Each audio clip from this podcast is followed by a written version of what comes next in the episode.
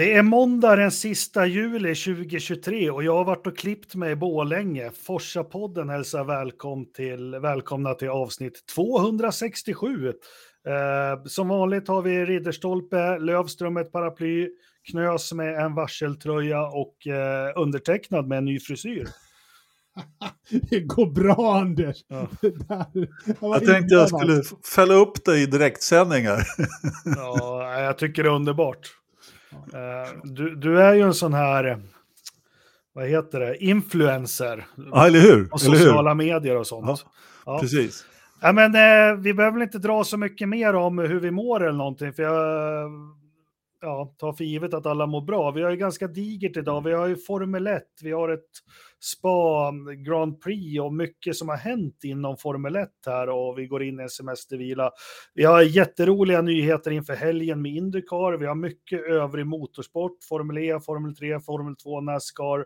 Eh, sen ska jag prata lite om eh, eh STEC också där eh, eh, under övrig motorsport. Eh, vi börjar först med att puffa för Forsaloppet, för det börjar bli lite bråttom här. Eh, vi behöver inte gå in mer på att det har varit struligt och så, men vi behöver några lag till för att kunna få runt det ekonomiskt. Så in och anmäl er för tusan. Och ni som har anmält er och duckar mejl och sms, ge oss bara ett besked. Vi måste ha ett besked liksom hur det blir. det är några lag som har anmält sig som vi inte har fått några betalningar ifrån eller eh, fått några livstecken ifrån. Så Forsaloppet på lördag klockan 14 va? Järfälla hyrkart, eh, fina priser, vi kommer sälja paraplyer, eh, Anders kommer dra lite stories i tältet innan loppet och Ridderstolpe kommer bara där vara snygg och, och Knös hoppas vi är där och viftar för flaggor eller kanske kör. Eh, så glöm inte Forsaloppet när vi ändå snackar pengar och allting. Vi tackar alla patrons. Vi tackar er som beställer paraplyer. Vi tackar alla er som gör det här skiten möjlig att göra för oss varje måndag. Vi tycker det är jättekul. Nog om det. Eh, Belgiens Grand Prix på spa. Vart börjar vi där? Ska vi Ska vi börja med allt eh, karalbolage som var runt ja, alpin? Fast de...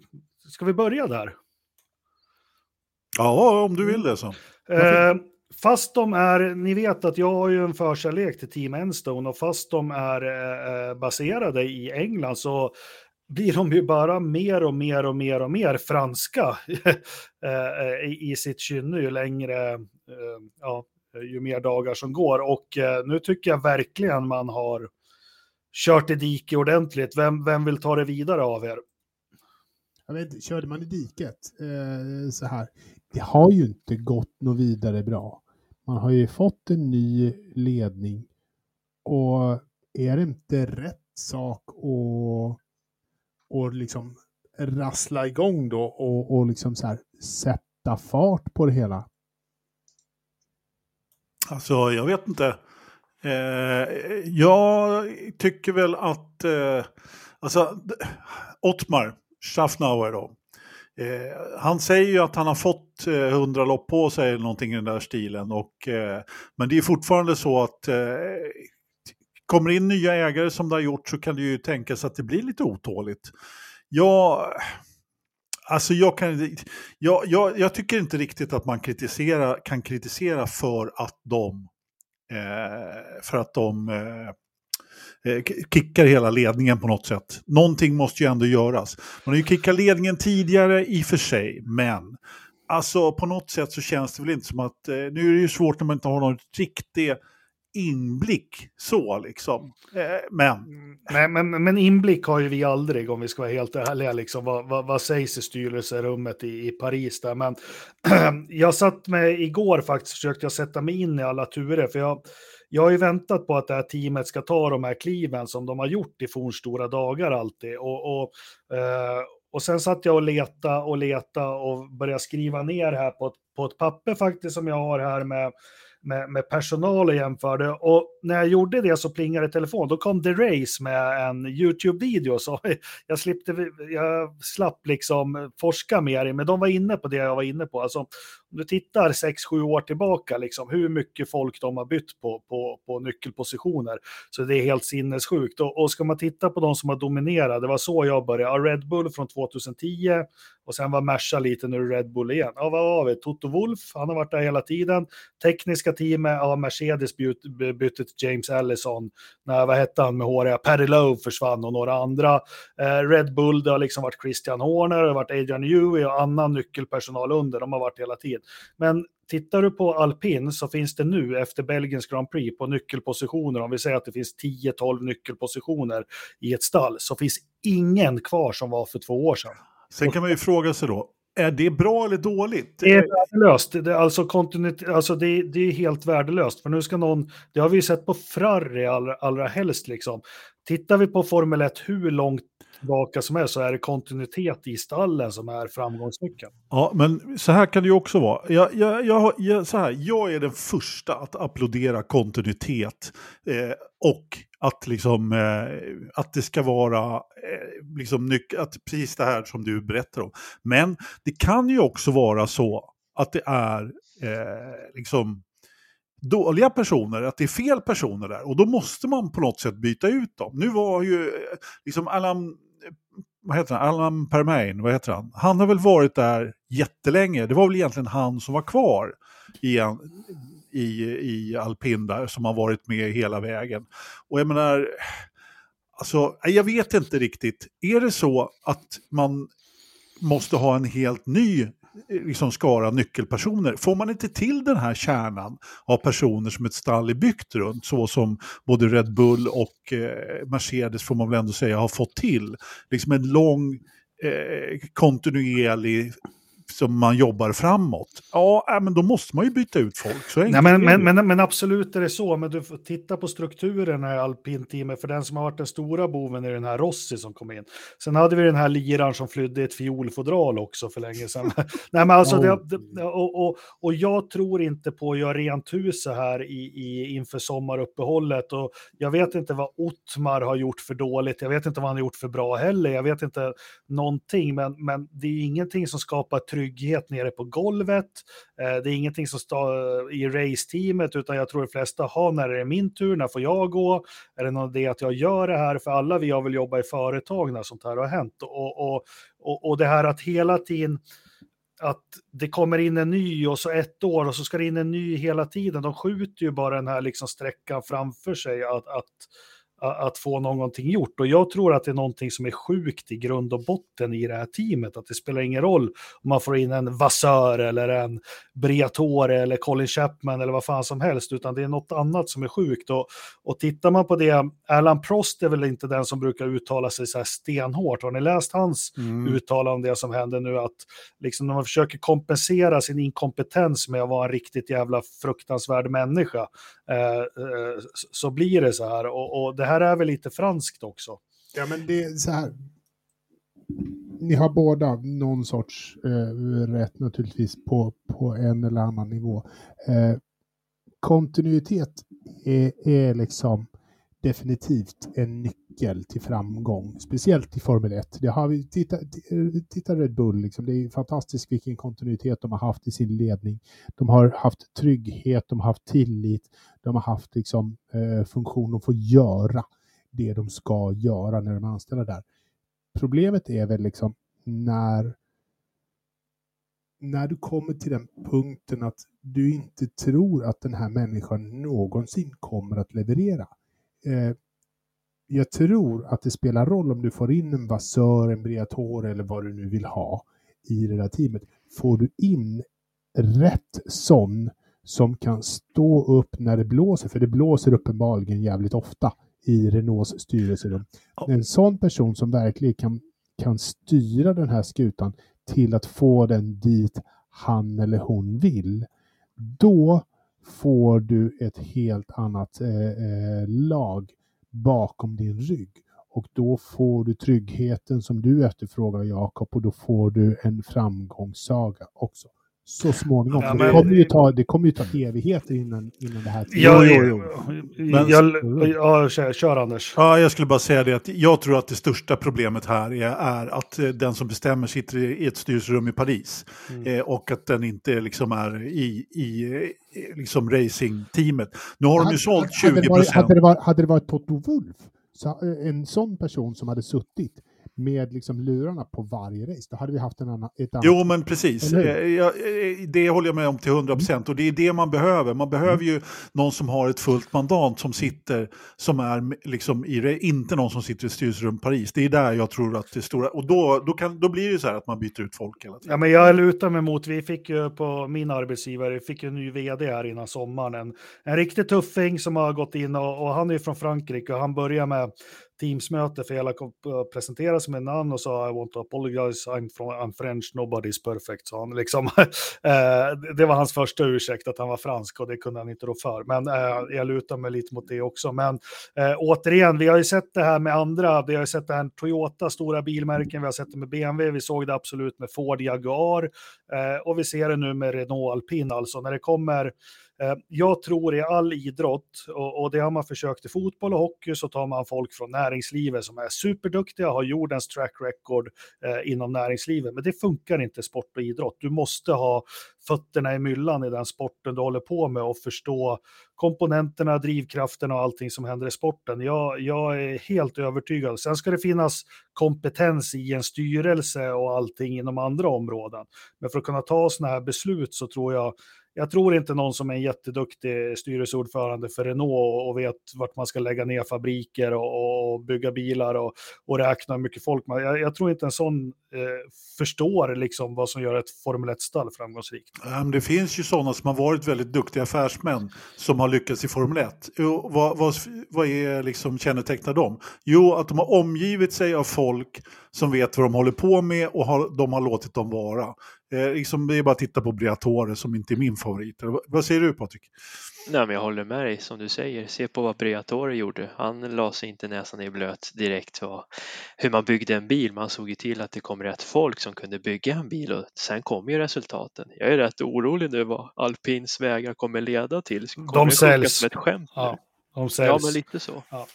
Eh, Ja, men Nej, men jag lyssnade ju förra veckan på det här Beyond the Grid, Mm. F1-podden. Och då intervjuade de Ottmar och de hade ju förtroende för honom och han var ju glad och lycklig och framtiden såg väl positiv ut. Det enda de behövde göra det var att försöka vaska pengar till att bygga om lite simulatorer och vindtunnlar, för där ligger de efter. Men eh, han fick ju inte ens den veckan och visa mer efter det liksom. Och då kommer vi in på... att toppen inte lyssnar på vad han säger, vad de behöver. De ser Nej, bara precis. massa eurosar som läcker till en brittisk ö liksom. Ja, och, och, och så, så är det ju. Det, är det vi kommer in på. Men lämna alpinskutan då, för här kommer vi på nästa. Att han, eh, Ottmar såg att det behövde görs eh, lite eh, investeringar och sånt. Här kommer vi till nästa käpphäst så här, som jag har. Eh, och det vet jag att det har vi pratat om i tidigare poddar, det här budgettaket vi har i Formel 1. Jag har ju börjat förstå mer och mer och jag vet, jag var kritisk till det i början, att det här är inte rätt väg att gå. Eh, vi ser ju otroliga problem med det här med budgettaket nu, eller vad säger ni? Behöver jag utveckla?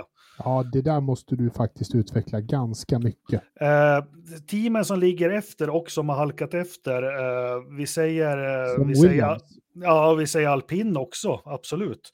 De har inte råd att återinvestera eller investera i saker de behöver på grund av budgettaket. Och, och det här kommer bli ett superproblem för eh, Audi när jag, de kommer jag, in. jag förstår inte. Hur kan de inte ha råd när det finns en fixed budget? De, Då- vet, de vet mängden pengar Ja, men, men då kanske de får lägga dag- 90 budget- procent för att bygga en ny maskinpark i fabriken, så har de 10 procent kvar att är, bygga. är den med i budgettaket? Ja, Jo, tyvärr. Det är bara att se vad Aston Martin gjorde. De byggde en helt ny fabrik Absolut. innan budgettaket kom. Ja, absolut. Det- Så de har en vindtunnel. De behöver inte lägga en krona egentligen på att bygga den. De kan lägga 150 miljoner dollar på en bil. Alpin sitter lite fast där.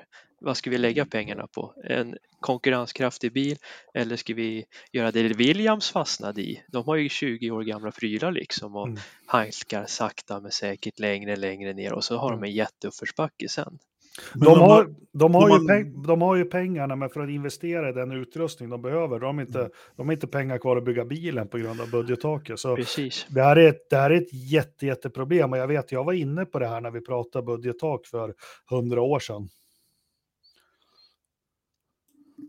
Anders. Anders, du gillar att räkna pengar.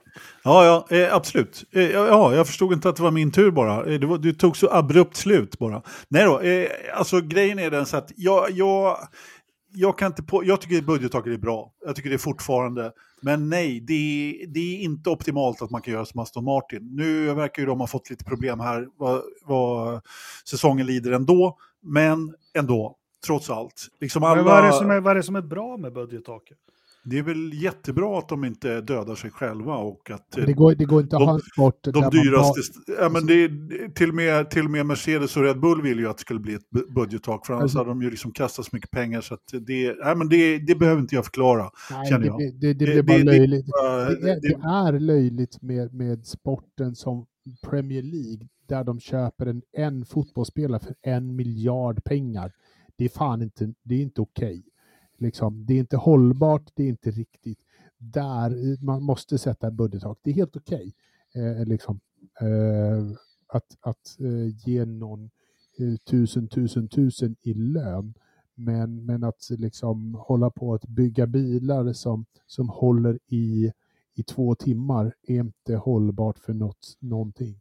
Man måste tänka lite, eh, lite bättre så att ett budgettak är bra ja, men rent, rent grund, grundtanken med budgettaket tycker jag är bra. Sen, sen Ja. är det inte optimalt, eh, som jag sa. Eh, Williams däremot, de får ju en ny teknisk direktör här. Eh, alltså jag, jag, ju vet inte hur många gånger jag har eh, snackat om James Wolves. Jag tycker han är liksom den, en av de smartare på griden överhuvudtaget, eller i depån överhuvudtaget. Han har ju värvat Pat och det var ju på något sätt en väldigt bra värvning får jag säga. Den kom väl innan han blev uppsagd där. Så att, eh, Ja, ja, men det, det är en bra värvning, men om vi tar du som gillar James Wools, vad tycker han om budgettak? Katastrof. Vi Jo, kommer, men- aldrig, vi kommer aldrig komma ikapp, vi kommer aldrig kunna närma oss, det är det han säger. Ja, jo, Ja. Det, är det, han, det är precis det jag säger. Ja, men jag säger att det inte är optimalt. Däremot så vill jag absolut inte såga det. Jag tycker att det är, eh, jag tycker att det är rätt väg att gå, men att man, eh, det finns eh, andra saker att göra. Det, det, kan, det kan bli bättre, men att ta bort budgettaket finns inte på kartan. Nej, det skulle inte lösa Men, någonting. men det, det löser verkligen ingenting. Det skulle fortfarande bara göra Red Bull och Mercedes som har tusen, tusen miljoner att lägga på det här, att de skulle bara glida iväg ännu längre. Och de små stallen som eh, Williams i det här läget och eh, Haas och sånt där, de skulle aldrig, aldrig ha en chans att göra någonting åt det. Däremot så kanske man kan se på hur man kan lösa för att få folk, för, för att få teamen att komma ikapp. Om det är som så att budgettaket gjorde att Williams aldrig kommer att komma ikapp, liksom om man bara ser på det rent krasst med, med nyktra ögon och säger så här, okej, men ni får väl eh, försöka ta och, och liksom um, lösa eran, eran, eran, eran liksom, eh, maskinpark på något bra sätt. Ja, okej då. Jag tycker bort med budgettaket helt och hållet. Eh, jag, jag, ser, jag ser ingen vits med det. det eh, alls. Eh, jag är inte som det ser ut nu och argumentet håller inte för vi ser ju ett, vi ser ett stall så överlägset som vi aldrig har sett i, inom ramen för budgettak och, och, och vi ser stall som har svårare att komma ikapp än någonsin inom ramen för Ja, det är, ju inget, det är ju inget argument för att ta bort budgettaket. Det, jag menar, Red Bull dominerade ju och hade en bra bil. De har ju gjort det här helt rätt.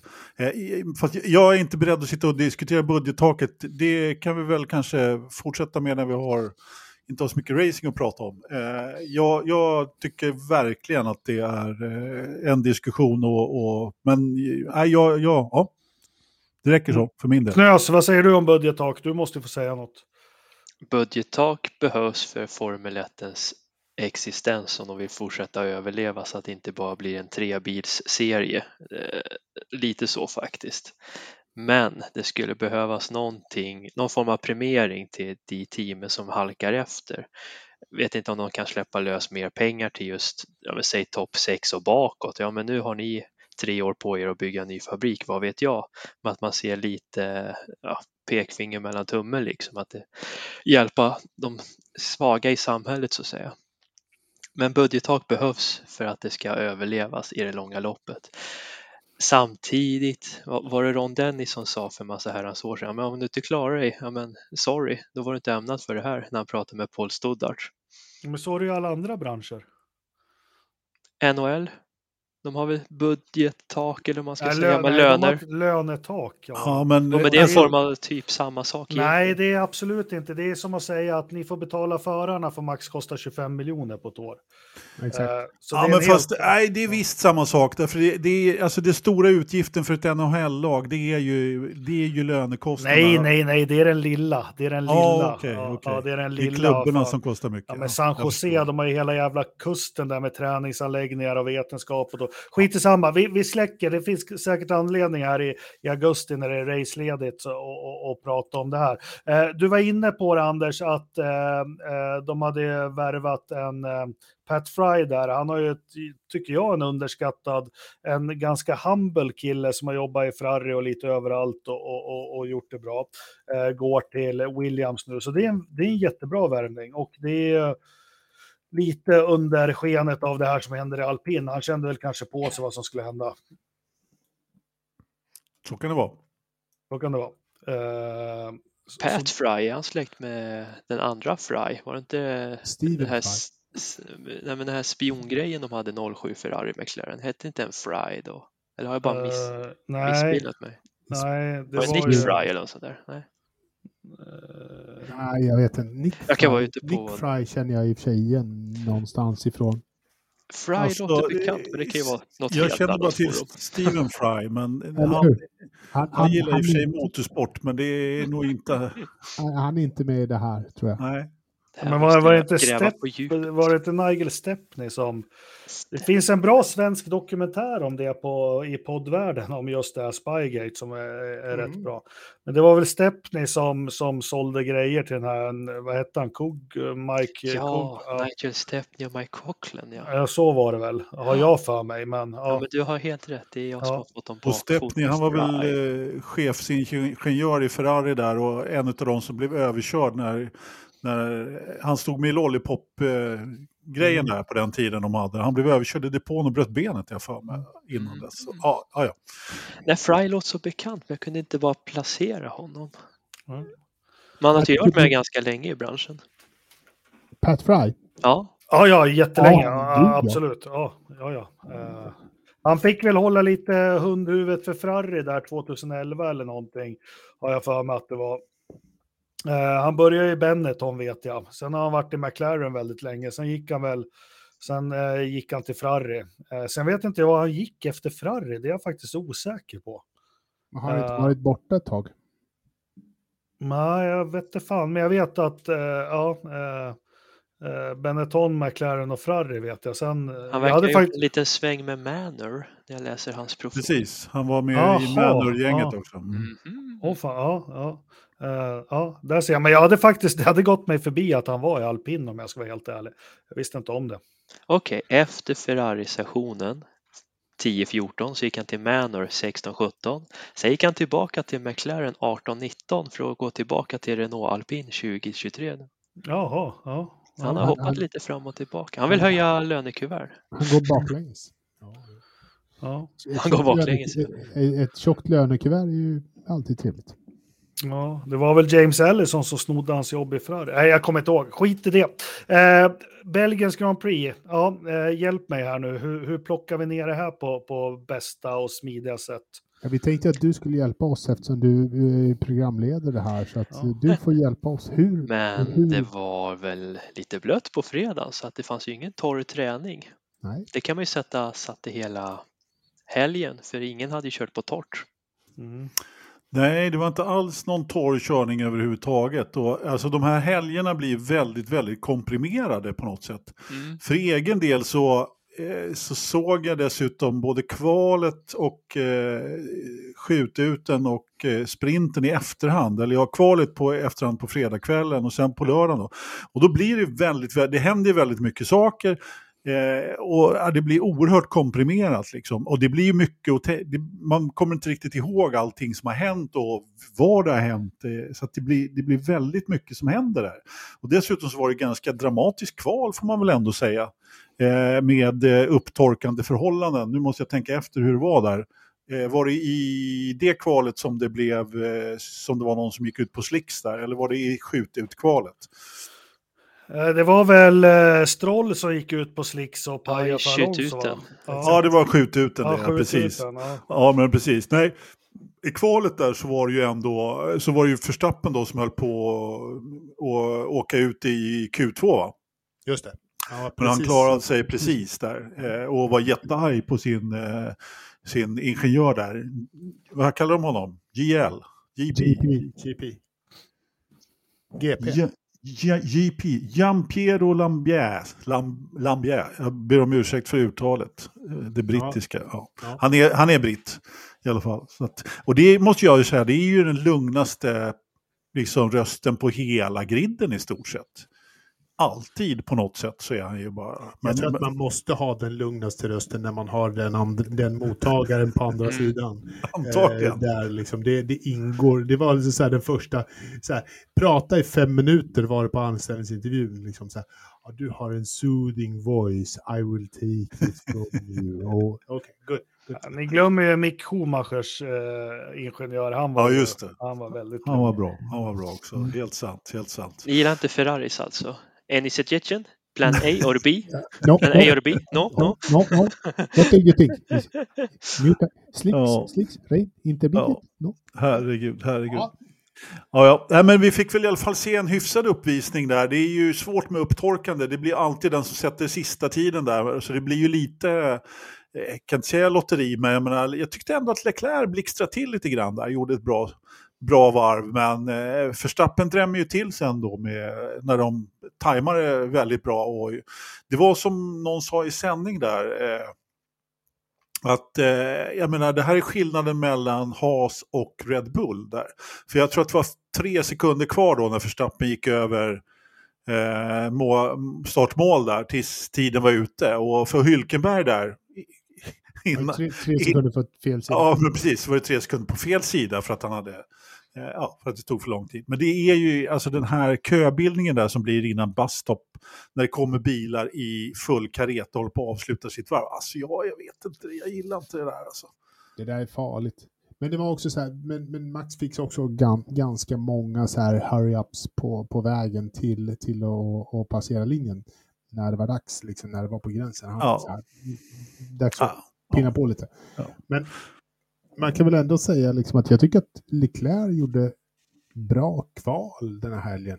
Racen var väl lite sådär, det kanske vi kan prata om så småningom. Men Nej, men han han splittrar hade- ju ändå Red Bull-bilarna, det Ja. får man ju ändå säga. Jag, menar, jag tyckte ändå Ferrari hade ju någonting här. Liksom, och, i, i, och jag menar, vad heter han? Eh, Sainz slog ju honom i, i nästa kval där. Mm. Men, men jag menar, Press var ju trots allt trea här. Eh, Det var ju väl bra, bra jobbat, höll jag på att säga. Liksom. Woo! Hitta honom. Och, och, och jag menar, ja, men vi har ju några stallkamrater här som blir ganska, får ordentligt pisk för första gången. Som, eller inte första gången kanske, men Lando fick ju, gjorde ju ett misstag där och gick ut och förstörde golvet i sin, på sin McLaren. Och efter det så var inte han sig lik riktigt, eh, skulle jag vilja säga, där på, på helgen. Jag menar, de pratar ju om honom hela tiden, att här, han brukar vara stark på spa, speciellt i det här vädret. Och nej, de fick ingen ordning på den där bilen. Jag menar, George Russell, han får ju rejält med pisk i kvalet av Lewis, igen, får man väl ändå säga. Så jag vet inte riktigt om det är så att, han gnällde ju dessutom på Lewis också. Russell. Ja, visst. Jag menar, så, Rus, Russell har ju tappat det. Eh, eh, den här säsongen, om du tittar på hur han körde förra året och jämför med hur han kör i år, så är han ju helt off. Alltså han är helt off. Nej, jag skulle inte vilja påstå att han är helt off, men han är i alla fall, eh, jag vet inte om det är lika del Lewis som har, eh, som har kommit Ja. tillbaka och lika del Russell som har eh, tappat lite, lite grann. Jag vet inte. Nej, Alltså jag, jag vet inte. Mm. Men eh, sen till på lördagen där och skjuta ut den så, så får man väl ändå säga att, som blev regnförsenad om jag förstår det hela rätt. Du såg väl inte heller det här live, Jakob?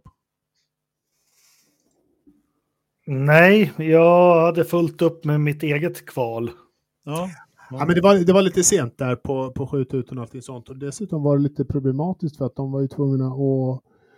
Det finns ju en tidsgräns mellan eh, shootouten, eh, jag vägrar säga det där ordet som ni använder, mellan shootouten och själva eh, sprintracet. Eh, så finns det ju fyra och en halv, det ska vara fyra och en halv timme tror jag. ja, precis. Nå, någonting sånt. Och det är ju liksom så här, det är andra race som ska få plats här emellan också, så de har ju liksom ett, ett hålltider som de måste se till att hålla koll på. Liksom. Så det var lite, det var lite sådär när, när det regnade vid fel tillfälle. Ja, jo, men så, lite så. Men det var ju hela tiden. Men du, gillar inte du eh, du, prata svenska alltså? Nej, eh, jo. Men det där ordet är förkastligt. Nej, men jag tycker det är så fånigt med deras terminologi så att jag, jag vet inte riktigt vad jag ska tycka Du, om det. Men, du, lyck, du lyckades hitta ett fånigare ord. Det var jag vet, det, det är meningen. Det är Ja, helt meningen. ja, men eh, alltså, Verstappen han förnekas ju inte där heller. Men, men där får vi väl ändå säga att eh, vår vän Piastri gör en eh, hyfsad insats ändå. Jag menar, han klår ju Norris rätt ordentligt där i kvalet och kör en eh, som får starta tvåa där. Till, till sprinten och, och Sainz slår Leclerc och eh, Gasly gör ju också ett bra kval där och är på topp 6 ändå. Så att, eh, men det var, jag, jag måste säga det, att jag tyckte både kvalet, kvalet till skjututen, nej, inte kvalet till skjututen, skjututkvalet, skjututen och sprinten var, var egentligen mer intressanta än vad loppet var den här helgen. Jag tycker sprint, jag tycker sprintloppen generellt sett det här året har varit rätt bra. Ja, men du gillar ju sprintar. Ja, jag gillar ju jag Ja. gillar det här grejen. Liksom. Jag tycker det här är rätt... Det är fartfyllt, det är bra, det är, det liksom... Underbart är kort. Ja, det är liksom lite grann ja, som Jakobs sexliv, alltihopa. Det är fan... Puff. Ja, men eh, jag gillar ju inte det här att de har ändrat. För, för jag, jag gillade ju när sprinten var, satte, satte liksom startordningen för söndagens lopp.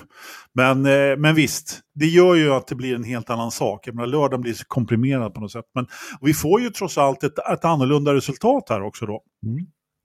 Och jag menar, då, då när de går runt ut på, när vi, sta, om vi startar sprinten där så går de ju ut på ett formationsvarv och eh, man kör väl tre eller fyra formationsvarv. Fy- Fyra i alla fall. Ja, i den där stilen i alla fall. Och sen när de, när de eh, då säger att eh, eh, safety caren ska gå in, då skriker Julian, Par Julian Palmer bara.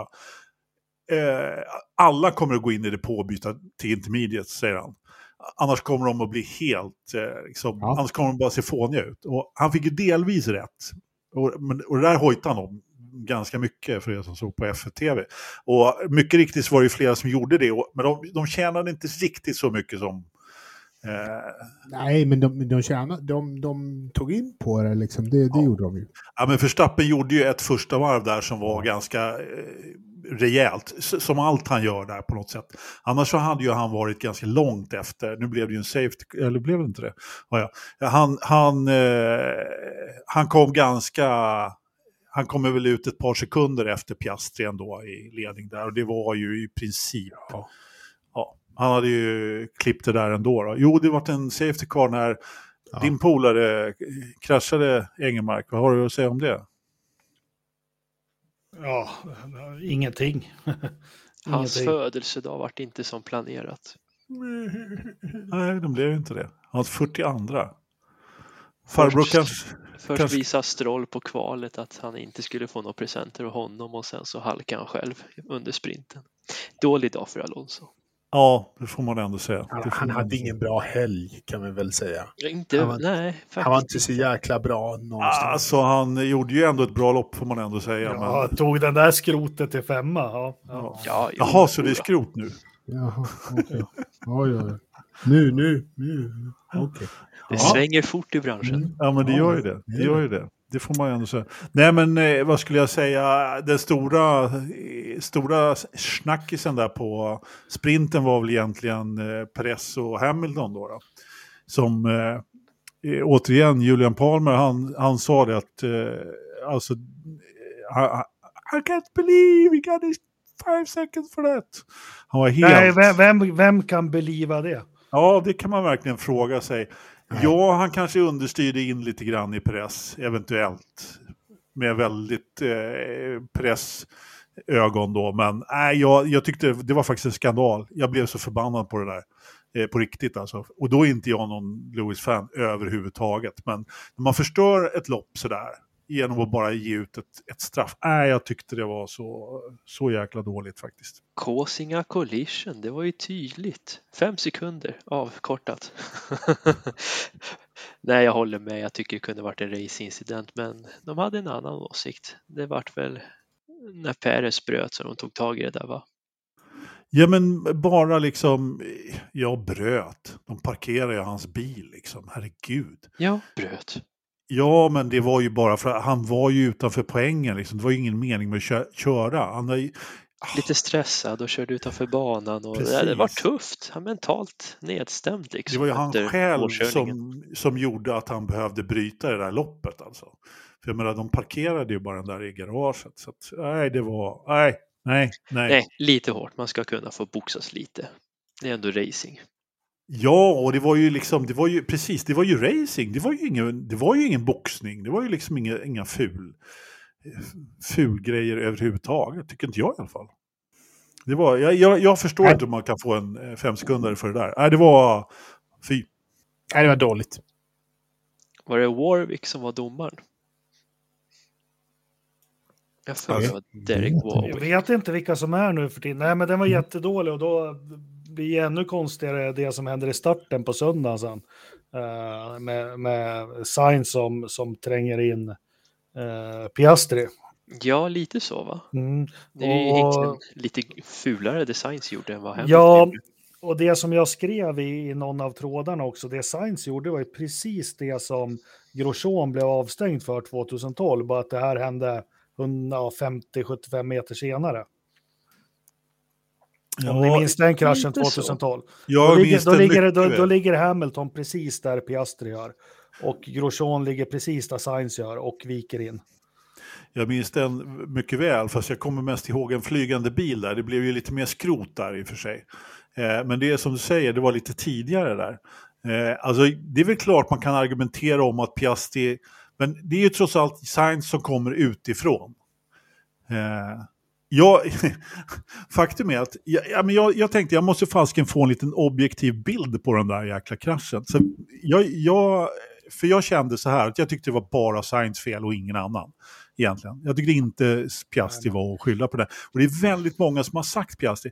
Jag körde band med den där kurvan ett, ett par vänder precis innan podden här faktiskt i eh, iRacing bara för att liksom, så, det, det är inget svar eller något sånt där, men bara för att få en liten känsla för det. Liksom. Och, alltså jag ändrade inte uppfattning om, om eh, att det var Sainz som var den stora marodören. Nej, men, alltså, men, men Piastri är ju, inte, är ju inte i närheten av att vara på rätt plats överhuvudtaget. Han skulle, han skulle inte vara där. Eh, Hade han varit lite street smart så hade han bromsat lite tidigare. han Ja, varit, och det- hade han varit lite street smart hade han bromsat lite för att kunna få liksom, nu, nu blir han puttad. Dels så pajar han eh, Styrvinklar och allt och möjligt. sen, sen pajar han sin egen bil. Sen puttas, puttas han in i väggen och pajar sin egen. Alltså det, eh, han, det, Piastri gjorde ju bara fel.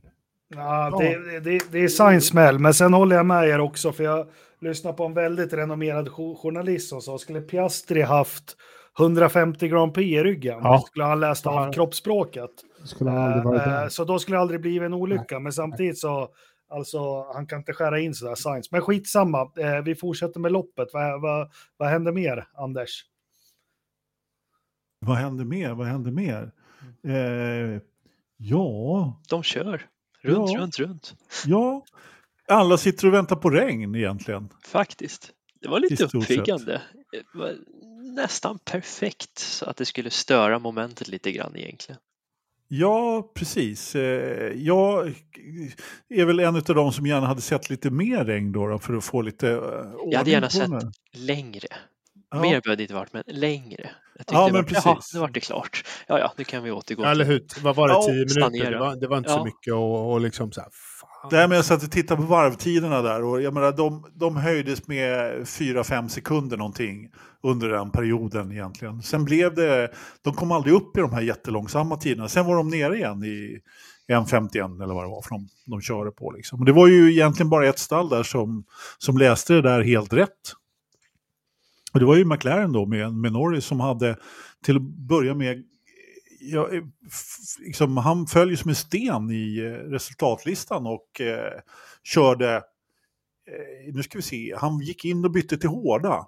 Mm. Eh, och sen, eh, för han startade väl på soft eller medium. Och sen så, lagom till när regnet började där så, så var de ju ute på röda då. Så han var ju liksom två, tre sekunder snabbare än alla andra. Han var ju betydligt snabbare än Max Verstappen där på sina röda eh, under en, en, period. Men det var för kort för att det skulle, men det gjorde ju att han till slut eh, kunde ta en, eh, en hyfsad placering och en pall, eller en pallplats, men en eh, poängplats ändå i alla fall. Så att, eh, eh det hade han ju definitivt inte gjort annars. Så att, nej. Nej, det var väl bra. Men i, i övrigt så går man ju just nu den här säsongen mest och väntar på tills eh, Max tar och plockar över ledningen och så får vi se hur, hur mycket före han blir i mål och sånt där. Det som förvånade mig det är att det tog sån tid för honom att köra om alla. Annars har han ju varit i Verstappen, annars har han ju varit i ledning på varv 5, ja, men, men det tog men han till varv 16 eller 17. Jo, men det var ju när Lewis tappade DRSen på Leclerc. Va? Så, det här berömda DRS-tåget. Ja, ja, skiten igen. Ta, ja, nej, jag orkar inte ens. Vi tar det sen när det är racingfritt. Men, men hörni, fan, jag har inte hunnit sammanställt. Men jag var tvungen att titta lite på vad det var för Stappen gjorde i det här loppet som gjorde honom så jävla... Har vi tid för det? Kör. Ja, jag har inte hunnit sammanställa något eh, i något Excel eller någonting. Men Pirelli gick ut och sa att sektor 1 på spa är det absolut tuffaste för ett Formel 1-däck på hela kalendern. Eh, okay. Blev jag lite överraskad av, men sen är det för, är det lateralt när det är upp och ner eller? Ja. ja. Eh, trycket i Oroge och så, att mm. eh, ja, sliter väldigt mycket. Och sen så har vi sektor 3 som är eh, också jobbig för däcken med Blanchimot och lite på hon och, och, lite sånt där som på framdäcken. Så jag gick in och kollade varvtiderna som jag gör mina analyser. Och vet ni vad? Uh, det här är skitintressant tycker jag. jag. jag. kan inte lägga ut texten för jag är inte riktigt klar med det, men tittar man på sektorstiderna så tittar man på de fem första förarna. Så är Verstappen inte alls snabb i sektor 1 och 2, eller 1 och 3. I mitten. Mitten, och där är han fruktansvärt mycket snabbare än Perez. Alltså ett snitt på, jag skulle sammanställa, jag tror 8 tiondelar per varv snabbare i sektor 2. Så han är ju inte bara snabb och, och gudomlig Verstappen, han är ju smart så in i bängen också. Och liksom tar det lugnt där i sektor 1 och 3 och kör han ikapp all den tid han förlorar där plus mycket mer i sektor 2 och spar sina däck. Lite intressant, eller hur? Ja, väldigt intressant. Mycket, mycket. Sånt här gillar vi. Hur, du, eh, du hade klippt dig idag, så fixar du nya glasögon också förresten? Nej, det här är de gamla. Ja, vad fan, du skulle behöva ett par. För Patrik här bredvid dig, Knös, han la ut en bild nämligen på, på vår, i vår Facebookgrupp. Ah, slitage på regndäck, eller intermediates rättare sagt. Precis, med slitaget väldigt tydligt att det på Red Bull-bilen. Och färdar det som att det bara är pickups. Och det var ju, du, du får faktiskt gå till en optiker Jakob, för det, det syns väldigt tydligt att, att den har slitit minst på de där intermediatesen. Och det är förmodligen en anledning av eh, det du precis drog. Jaha, den där bilden, ja men det är bara att de har mer pickups på de andra två däcken. Nej, så är ja, det. Men det ser ni väl? Ja, det ser vi väl. Som sagt. Nej, Anders, bara, jag gick med min enkrona. Jag har lärt mig på anslagstavlan att går mönstret upp till kun, eh, kungens huvud, då är det 1,6 millimeter. Du får, det... Som sagt, du behöver en optiker, Jakob. Men, men du har ändå rätt i, i det här att eh, Förstappen tar, vad var det, 27 varv kvar när han plockar Perez och han vinner med 22 sekunder. Mm. Så att eh, han, han, han tar ju sin sekund på Perez på ett varv, vilket ju är liksom i samma material hänförande. Jo, men jag var inne på det här. Kommer ni, Mm. Är det någon av er som minns? Eh, jag försökte reda ut det här med Bottas och Hamilton. Varför det var som det var. Eh, och där var det förutom att Hamilton kunde köra lite, lite snabbare varje varv. Men så hade han en körstil som gjorde att hans däck höll fyra, fem varv längre varje stint. Uh, och det är så jäkla, jag, jag, jag sitter ibland för mig själv och, och försöker förstå mig på allt sånt här. Och, och, men här var det så, här var det, för jag förstod inte, jag, jag måste förstå vad farten, va- varför vinner han med vad är det, 28 sekunder eller vad är det?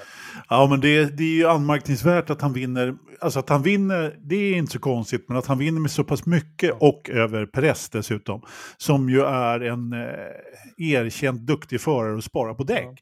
Och jag menar, Verstappen, i hans sida på garaget så gör de ju ingenting annat än att... ah, nu fick de ju, vad var det, varv 17 eller något sånt där som han kom upp i ledningen eller något sånt där. Men sen, ju- normalt sett de här åtta loppen nu som han vunnit på de har ju inte gjort annat än att bara bevaka vad de andra gör och reagera på det. Om de behöver. Ibland så behöver de inte ens reagera på det. Det är aldrig så att det är de som får slut på däck först. Ja, men jag, jag ska försöka komma till det här mer också, för jag, jag vet jag var inne på det här när vi pratade om kameravinklar förra. Jag har försökt hitta vad i körstilarna och, och det är något man kallar inom racing att är det något som Verstappen är suverän på så är det korta kurvor kan man kalla det. Liksom, om man skulle dra en linje genom kurvorna och hur mycket belastning han har på däcken så är, så är Verstappens kurvor mycket, mycket kortare än, än, än Perez och andra. Hamilton är också en som är duktig. Leclerc är också duktig på korta kurvor. Jag håller på faktiskt, och det har inte jag berättat för mig, jag håller på att sammanställa det här med bilder och allting och ska försöka förklara det här eh, på något vis. Men ja, kanske inte den här podden då. Jag köper din bok när den är klar. Ja, det ska du nog inte göra. Den kommer heta Ja, nu, nu, rök, nu Jag- rök jag- stämningen. Jakob. Engemark, jag, eh, eh, jag tittar på Formel 1 i kurvan. Ja, men jag försöker i alla fall, hörni. Ja, ja, försök. Ja, det är ja. fint. Eh, eh, barnen, en bil som imponerade på mig den här helgen var Williams-bilen. Den, Aha. å, den åt däck. Den åt däck. Den åt däck, men den gick fort. Ja. Utta. Alltså, åt däck, åt däck, jag menar, hallå. De hade ju inte behövt göra tre stopp ändå. Eh, Och har du inte lyssnat på Albon som satt i den där bilen? Jo då. Ja. Ja, Han får, han får väl köra med kortare kurvor. Ja, men nu visste jag att någon skulle håna mig när jag försöker göra saker, men okej. Men, ja. men Jakob, det- Ja. du- alla har vi våra roller att spela. Liksom. Knös är expert, du är kortklippt. eh, Jag vet jag inte vad jag gör. eh, Anders är knastertorr och tråkig. Men, men eh, så blir det. Eh, liksom. Men att Williamsen var snabb, det är väl bara ett tecken på inget- att de inte har aerodynamiken i kurvorna, eller? Ja. Så Alls. räkna med att de är snabba i Monza då. Ja, de har Ja. ju inga, inga, inga vinklar på sitt golv heller. Så att jag menar, det, den är ju hal den här bilen. Så det Den har är ju varit hela... Och Den är det, så aggressiv. Ja, ja, men precis. Sen, så det är inte så konstigt att den var... Men det är klart, eh, vem var det vi fick åka med? Ja, det var väl Lando igen där som, som försökte köra om Albon där ett tag. Och det var, han, kom ju, inte- han var inte ens i närheten. De hade ju ingen toppfart alls. Liksom. Så att, stor, stor skillnad. Nej, men jag var inne på det där, jag vill inte vara neggig. McLaren-bilarna de hade gått hårt för regn alltså. Det såg vi. Nu har ju de problem med toppfarten i vanliga fall, men det var ju därför Piastri fick det här genombrottet och kvalet och allting.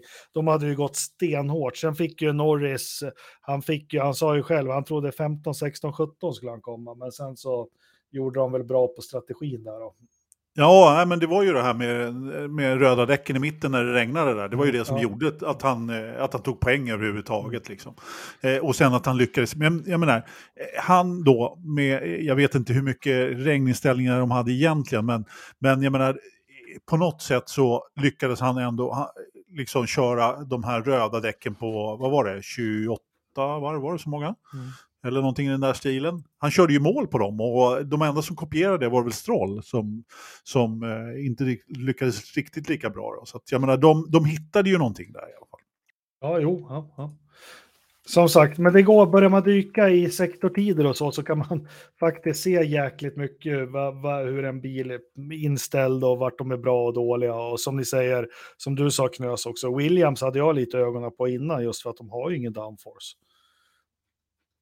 Då blir man snabb på rakerna. Då blir man snabb rakt fram, ja, precis. Och då blir kurvorna lite för runda och då tappar man tid. Ja, och du köper in det på det där med korta och långa kurvor. 100 procent. Jag håller ju på med rally. Ja, Vi följer inte vägkanterna, vi kör i dikena. ja. Eller väg. Precis, så ligger det en sten där så får man åt. Det Ja, gjorde det- jag också förra året. Jävlar, flög. Men det är en annan historia, jag klarar mig. Vi har sommaruppehåll och prata, prata knösrallyn och flygturer på oss. Minnen. Minnen, minnen. Vad ska jag säga? Jag, en annan förare som jag också tyckte studsade tillbaka eh, ganska bra den här helgen var Yuki Tsunoda. Det tyckte jag Eh. var skoj. Men det var så här, jag, jag, jag väntar ju på att den här lilla pojken ska, ska sluta vara förbannad och liksom hitta högerfoten. Jag Och, tycker och, hans aktier ändå har blivit lite starkare nu när han har en Ricardo bredvid sig. men Man han har får haft visa två liksom. lopp liksom. Men nu måste han liksom så här, efter den här helgen så, så tyckte jag att han Ja. gjorde det bra. Ja, I Ungern fick han stryk, det fick Ja, han, men eh, han slog tillbaka i Belgien faktiskt. ja exakt. Men, men ska vi ta det, jättekul för Jocke, jag håller med, men ska vi ta den här Ric- Ricciardo en gång för alla? Jag tror jag sa det, Han tog Eh, kurvan för snävt i orange, då fick han ju sin tid deleted. Därför Precis. startade han så taskigt där i fredags. alldeles för kort kurva. Nej, men jag ser spekulationer på vår sida. Är det någon som fortfarande tror att Ricciardo tackade ja till att köra Alfa Tauri, sämsta bilen, i, i, i, eh, utan att ha ett Red Bull-kontrakt på fickan 2024? Är det någon som fortfarande tror att Han har inte ett Red Bull-kontrakt klart 2024. Absolut att han har det? Nej, det har han inte. Nej. Vad, vad Nej, tror ni då?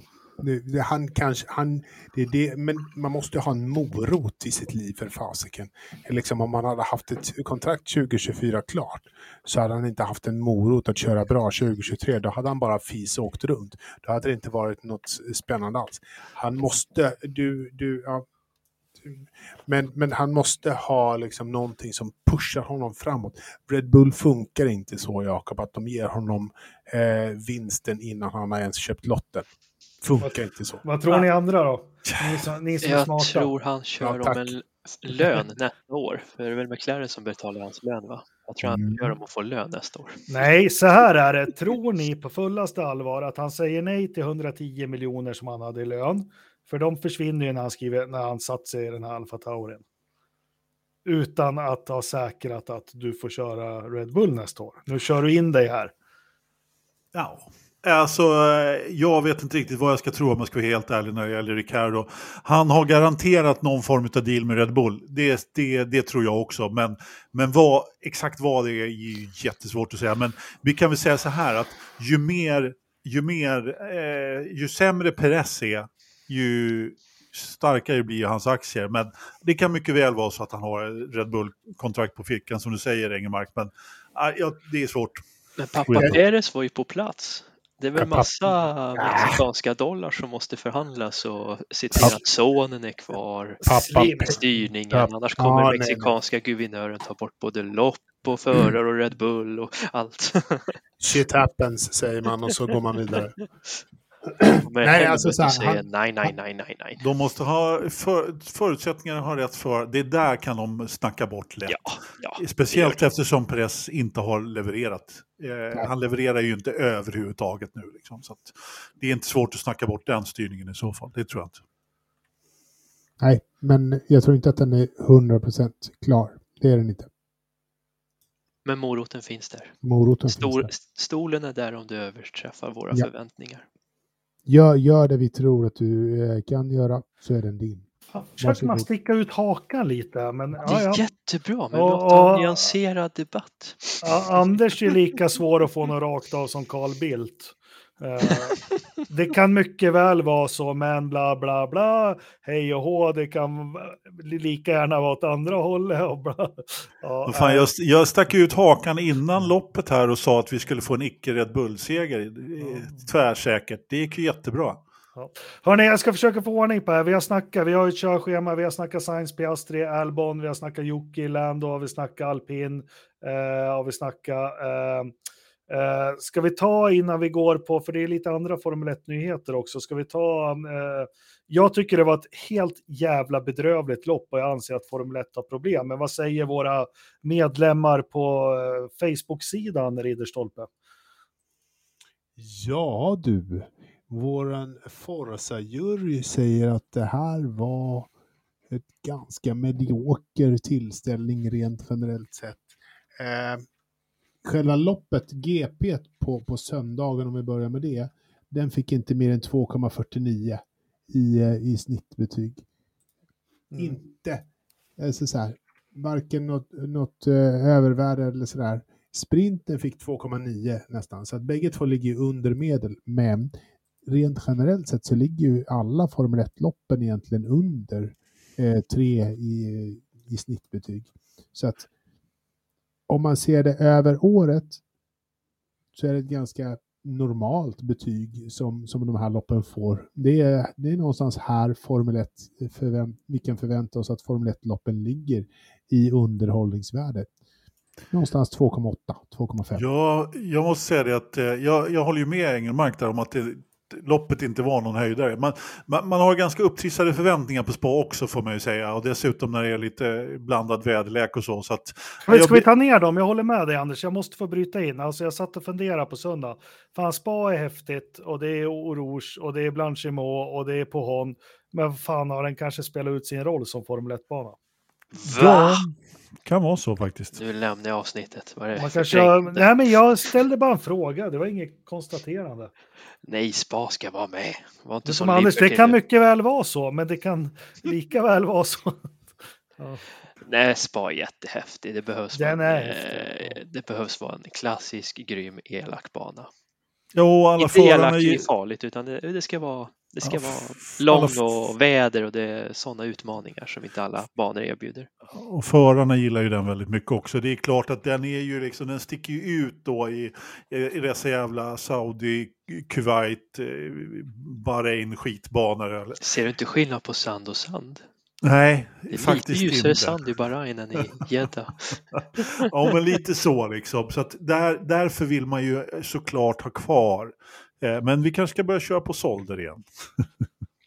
Ja, är den så mycket roligare? Ja, kanske. Ni som levde på den tiden, var han rolig? Jag vet inte. Fråga Anders. Nej, nej men eh, satt och tänkte lite. Vi har ju den här debatten om Orouge upp där på, vad heter det, efter Orouge, Radion. Och, eh, man kanske ska ta och tajta den lite, för eh, nu är det inte dramatiskt att se en bil gå igenom där. Man vill, ju, man vill ju att det ska vara den här Jacques Villeneuve som slår vad med sitt stall. och- 99, Ja, klassiker. flat, flat, alltså att det ska vara. Nu, nu, jag kommer ihåg, de körde ju den där med en hand när de hade den här F-DAC till och med. Mm. Ja, eh, eh, nu är det Blanchimot när jag gillar Formel 1 som mest. Då var ju Blanchimot en jätteutmaning. Nu är den också piece okej. Nu är det ju Pohon och, och Stavelot som är utmaningar. Eh, bilarna börjar bli lite för... Ja, tajta till och rouge, några grader. Eh, Blanchimot, nyp till den lite, så är vi där igen. Sen vill jag ha tillbaka gamla Bastop. Ja, det är den, jag hatar verkligen nya Bastop. Jag tycker den är Ja. hemsk. Jag tycker inte om det. Jag vill också ha tillbaka gamla. Fan, det är inte bra det här när jag är överens med dig igen, Jakob. Nej, nej, Nej, fan. Det här är förmodligen den sämsta hela podden vi någonsin har gjort. Och vi har gjort ganska många. Ja, Anders kommer sitta och hålla handen hela Ja, eller hur? Ska ni Ja. gull, köpa blommor tillsammans? Nej, men jag kan säga så här att jag, Anders, nu, nu ja, det här är överraskningen som jag hade tänkt att ge dig, men jag har en släkting som säljer jultidningar och då får man ju, och, och där kunde man beställa en familjealmanacka med söta katter, så den har jag beställt till dig. Åh, tack. tack. Så jag beställer en till Fabbe också. Ja, gör det.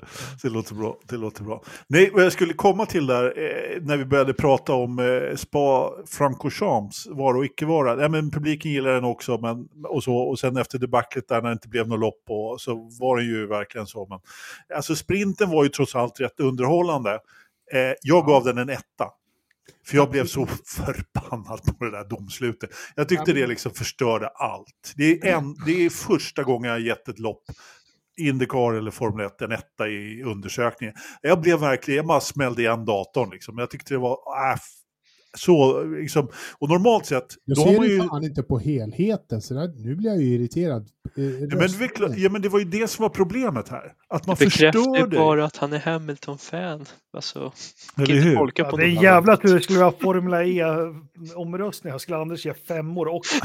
Så skulle det bli Hussein-klass. sex Jag har en ibland. eh, grej på det på Formel E sen, vi måste faktiskt prata lite Formel E sen. Nej men, nej men så här, det var ju det som var problemet, att helheten blev förstörd.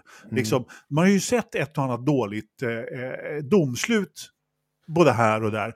Och, det, och liksom, jag kunde ju inte bry mig mindre om Lewis kommer femma, sexa eller 48.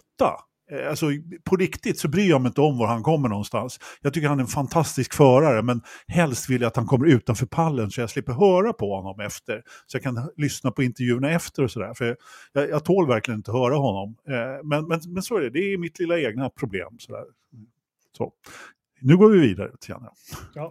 Nej, men vad fan, eh, en timme. Vi stänger abrupt. Eh, undersökningar har vi tagit. Eh, nästa lopp om en månad. Vi får anledning att snacka upp det framöver, Nederländerna. Jag tycker Ja, vi går speciellt eftersom vi har en medlem här i podden så kommer de vara där och vifta flaggor igen. Ja. ja, precis. Jajamensan. Sen har vi det här med däckvärmarförbudet. Jag tycker, det har jag läst på, men jag tycker vi tar det också eh, framöver här. Eller Japp. hur? Är Det, det, låter med bra. alla? Det låter ja. bra. Eh, hörni, eh, en av de trevligare nyheterna jag har fått senaste åren, förutom att min frus knöl inte var cancer. Nej, jag ska, men eh, Indycar är vi inne på då. Eh, Linus, det var ju någon som skrev först att Tom Blomqvist skulle köra bil nummer 60. Han har har han gjort. Mm, han har Jaha. gjort det, men nu till helgen också. Okej. Uh, skitsamma, men eh, Linus Lundqvist, äntligen. Och eh, vilken chans han får. Han, uh, Meyer Shank Racing är inte fy skam, det är de verkligen inte. han får köra på en stadsbana där han tog pole position och vann. Eh, Och han får äntligen liksom visa upp vad han kan göra i en kungaklass, om vi nu får säga att Indycar är det där borta. Ja, men det är det ju. Och, och det här är nog en ganska bra, det, det är inte den lättaste banan att köra på. Sådär. Men det är en bana han kan, det är en bana han trivs på och, och eh, han känner sig nog lite hemma. Det gör det nog lite enklare för honom ändå att sätta sig i bilen till helgen. Även om uppförsbacken är, är lång och brant så, så blev det nog åtminstone så här överkomlig för honom när det ändå är Nashville vi pratar. Ja, han har ju glada minnen därifrån såklart. Mm. Eh, från för, var det förra året? Ja, det, var, det var förra året. Eh, men eh, det här med eh, att han får chansen nu, eh, som sagt, eh, det pratas om, alltså Tom Blomqvist som körde då i, ja, vad fan körde han då? Han körde. Toronto, eh, som han körde. Eh, och han fick, han En fick köra, sväng. Ja, men precis. Han fick köra en sväng någonstans. Alltså, det här är ju fantastiskt att Linus får chans. Jag hade gärna sett att Tom fick köra ett lopp. Ett helt Nej. lopp faktiskt, helt klart. Men eh, jag menar, om Linus bara kommer, kommer några kurvor till så, så vore det väldigt bra. Så han får visa precis lite grann vad han kan. För jag menar, jag är helt övertygad om att han kom, man kan, Det svåra här är ju, vad ska man ha för förväntningar på honom? Jag har jättehöga förväntningar. Eh, inte att han ska vinna och komma på pallen, men eh, Linus och förresten ni som... Vi hade ju Linus som, som gäst i podden, avsnitt 106. Jag ska lägga ut en länk till det sen, men när vi eh, eh pratade med honom. Jag tycker att det kan vara värt att lyssna på det igen för att få lite feeling. Avsnitt 106 av Forsa-podden så har vi med Linus Lundqvist. Men eh, Linus vann juniorserien. Vi har sett hur det har gått för de andra. Linus har testkört Indycar-bilar ett flertal gånger. Han kan banan. Eh, Meyer Shank Race är lite lagom team att börja i på något vis istället för att bomba sig in i bil nummer 10 i Ganassi eller bil nummer 3 i, i, på något vis. Så jag, jag tror Linus har chanser att ta en topp 10-placering. Jag sticker ut min, min dubbel, eller den tredje dubbelhakan. Den tredje dubbel, Ja, alltså jag, jag håller med dig. Jag har också ganska, ganska goda eh, förväntningar på den här helgen. Topp 10 tror jag inte. Men, men topp 15, jag tror att han mycket väl kan komma eh, plats 14, 15, 16 någonstans. Alltså en bra bit från botten är, är min, min, klar, min klara bild över det. Bo, det skulle jag mycket väl kunna tänka mig att han klarar av.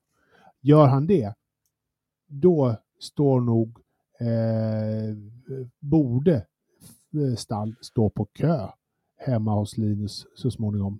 Men vet du varför jag tror det här? Vi får hoppas att det inte blir något regn och helvete och så, men när vi hade Linus i podden och lika det han har gjort i, vad hette den här 1600-2000-klassen han vann och... eh, Formula uh, Renault, eller vad säger jag, For, Formula Regional. Ja, och sen i, in, han har det här lugn, han är ingen Grosjean eller vad man ska säga. Han har det här lugna, metodiska. Det är bara min känsla om honom.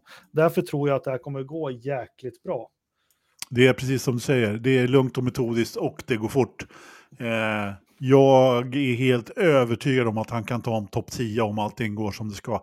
Nu är det ju, nu, nu får man ju säga om, om, om här, men, men jag menar Nashville, stadsbana, väldigt mycket kan hända, det kan vara väldigt många gulflagg, det kan liksom eh, hända som med Tom, han blir bara avknuff, intryckt i en kurva liksom, och då är det så. Men om man bara kan se till att hålla sig från problem eh, så tror jag definitivt att han kan ta en topp 10. Det är jag helt övertygad om faktiskt. Skulle han göra det, det är sensationellt.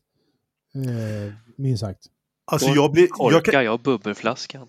Ja, jag, jag måste ska bara säga, firas. Jag ska bara säga en sak till. Jag är helt övertygad om att han slår eh, en viss Castroneves.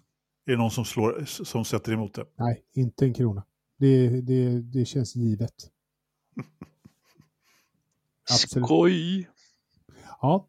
ja, men verkligen. Och det, är det här är ju skithäftigt. Tre svenskar i Indycar. Det är liksom ett rekord i sig. Ja, det, är det är magiskt. Det är superhäftigt alltså. Det, Uh, Njut ja, men, av helgen. Hoppas ja. att han kom, alla tre kommer i mål. Det är bara njuta, för vem vet när det här händer nästa gång. Hoppas på fler gånger, men njut bara. Det är ju svensk historia.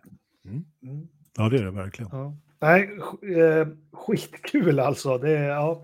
eh, och det är någon som är värd det här med, med debaclet mm. med pengar och allting. Så, så, och Linus, så jag tycker även... Vi har ju faktiskt försökt få med honom i podden igen, men han ville vänta lite för det var mycket som hände och, och, och så. Men han har hållit en, en jäkligt låg och bra profil i allt det här. Tycker jag. Han har inte varit ute och svinga och skylt på någonting och tyckt att saker är orättvisa eller någonting, utan han har som en riktig svensk knutit näven i fickan och hållit käften. Och nu ska han visa vad han går för. Precis. Som Stenmark. Ja. Absolut. Nej, men det, det är jättespännande. Det är väl liksom eh, helgens näst största begivenhet, får man väl säga, efter vårt eget lilla Forza-lopp här på lördagen. Men eh, Linus på, på söndag. Grymt. Är det någon av er som vet vilken tid på söndag det här rullar igång? Nej, men jag ska, frå jag ska fråga det på Facebook-sidan. ja, men, det, men, det kom, men jag tänkte att det kan du fråga om, om några dagar, för det gör du ändå. Men strax innan det så vet jag att vi har liksom en, en, en klockmaster eh, med här i podden som, som kan sina saker. Jag har faktiskt inte kollat upp det. Det jag, står jag, jag, 12 PM. Jag, precis, jag skulle precis säga det, att det är 12 lokal tid i alla fall. Så borde men, klockan vara runt 6 i Sverige. Det, jag tänkte ju säga det är 18.00. Säger vi då, så till Engelmark så att han förstår också. Skulle vi gissa på att det är grön flagg, kanske en kvart till 20 minuter senare. Ja, ibland så grönflaggen brukar ibland vara... Ibland kan den vara 18 och lätt, ibland kan den vara 18 Oh ja, det beror på om det varit fotboll ja. eller sånt innan. Ja. Men precis, exakt. Det, det, ja, men, men alltså helgen börjar inte där, därför den börjar nämligen klockan 22.00 på fredag kväll. Då är det första träningen. Då kommer i alla fall jag att sitta klistrad. Okej. Okay. På eh, vilken kanal då? Peacock. Peacock. På fågel. Den, den har vi ju alla. Det är som Netflix. ingår liksom i, i det allmänna. Ja, den är faktiskt lite svår att få tag på, jag håller med dig, men, men det går om man vill. Ja. Nej, men kul. Jakob, händer det något mer uh, over there? Ja, vi har ju, den startar väl imorgon. Jag börjar förvänta mig att när klockan slår 12 i natt här, amerikansk tid, så ska allting hända. Men det, det, det ryker ju en del om, om bilnummer, är det 28 va? Japp. 29, 28. 28. Mm, och det kommer ut, vi har ju tidigare i podden ofta refererat till italiensk media, eller hur? Mm. Ibland så. Men, men nu är det amerikansk media och det är väldigt mycket spekulationer och på något vis så känns det mycket öppnare och närmare sanningen när de här Marshall Pruett och andra spekulerar om Indycar mot Formel 1 på något vis. Håller ni med? Ja, det känns väl som att de är lite med i myllan där. De är, det är en lit, den, den ankdammen är inte stor med Indycar-journalister. De är inte jättemånga. Så att, Nej, men så här är det, Palou sitter ju, det, det är där, vad kallar man leken på svenska det här när musiken stannar? Hela havet stormar. Ja, eh, det är Palou ju på det här. Jag tror ju Palou sitter i en, i en Alfa Tauri eller vad det kommer heta nästa år och det, det låser ju upp ganska mycket. Men eh, det känns ju som Marcus har kört fast med, med eh, Chip Ganassi Racing och ryktena där bortifrån säger att han är inte mer eller mindre klar, men eh, alltså eh, väldigt troligt att han kommer sitta i Andretti-bilen. Va, va, vad säger ni om det? Det sa ju jag redan i juni eller vad det var, eh, när jag började nysta första skvallret att där hamnar Ericsson och det tycker jag Mm. låter helt rätt och det stämmer med DHLs image också vad de vill förmedla utåt i världen. Så Jag säger jag det- ser bara positivt att Ericsson sitter i en Andretti. Jag vet inte vad mamma säger om det. Jag har varit kollega med henne på Svenska Posten och hon var på logistikavdelningen, så hon är väl inte helt förtjust i att Marcus åker runt i tyska postens kläder. Men ja, Äsch då, äsch då, post som post. ja. Ja, men eh, det är väl så att, eh, alltså det känns som att eh, den här, alltså när du pratar om det där Knös, vi var ju helt med på det allihopa. Jag tycker också att det är väldigt bra, liksom, och mycket har pekat mot det. Men man vet aldrig. Eh, det, men det men gör- är, det, är, det rätt är det ett bra stall? Ja, men jag, jag skulle säga så här, om, om, om det inte funkar med Chip Ganassi på det sättet, om, alltså Marcus har ju för en gång skulle ställt lite krav nu, liksom. ja, Mm. då, då, då skulle jag, alltså Andretti behö, skulle jag säga behöver en Marcus. Ja. De, behö, de behöver ingen Grosjean, de behöver en Precis, Marcus. någon som lyfter teamet för det skulle han kunna göra för vad Ericsson har gjort i, vad är det, bil nummer åtta, byggt Mm. från scratch mer eller mindre i flera Vi säsonger. måste säga i skitbilen som Ja, ingen bryr sig om egentligen. ja det har han faktiskt. Han har tagit hand om sina mekaniker, sin bil, det han har fått liksom. Han har ändå vunnit Indy 500 och Mm. resterande stadsbanor höll jag på att säga. Så, ah, ah, jag tror det blir jättebra. Han kommer lyfta Andretti och Andretti Mm. kommer få någon som de kan lyssna på, någon som inte pratar halvtaskig franska och kraschar bilar stup i kvarten. Jag ser bara fördelar.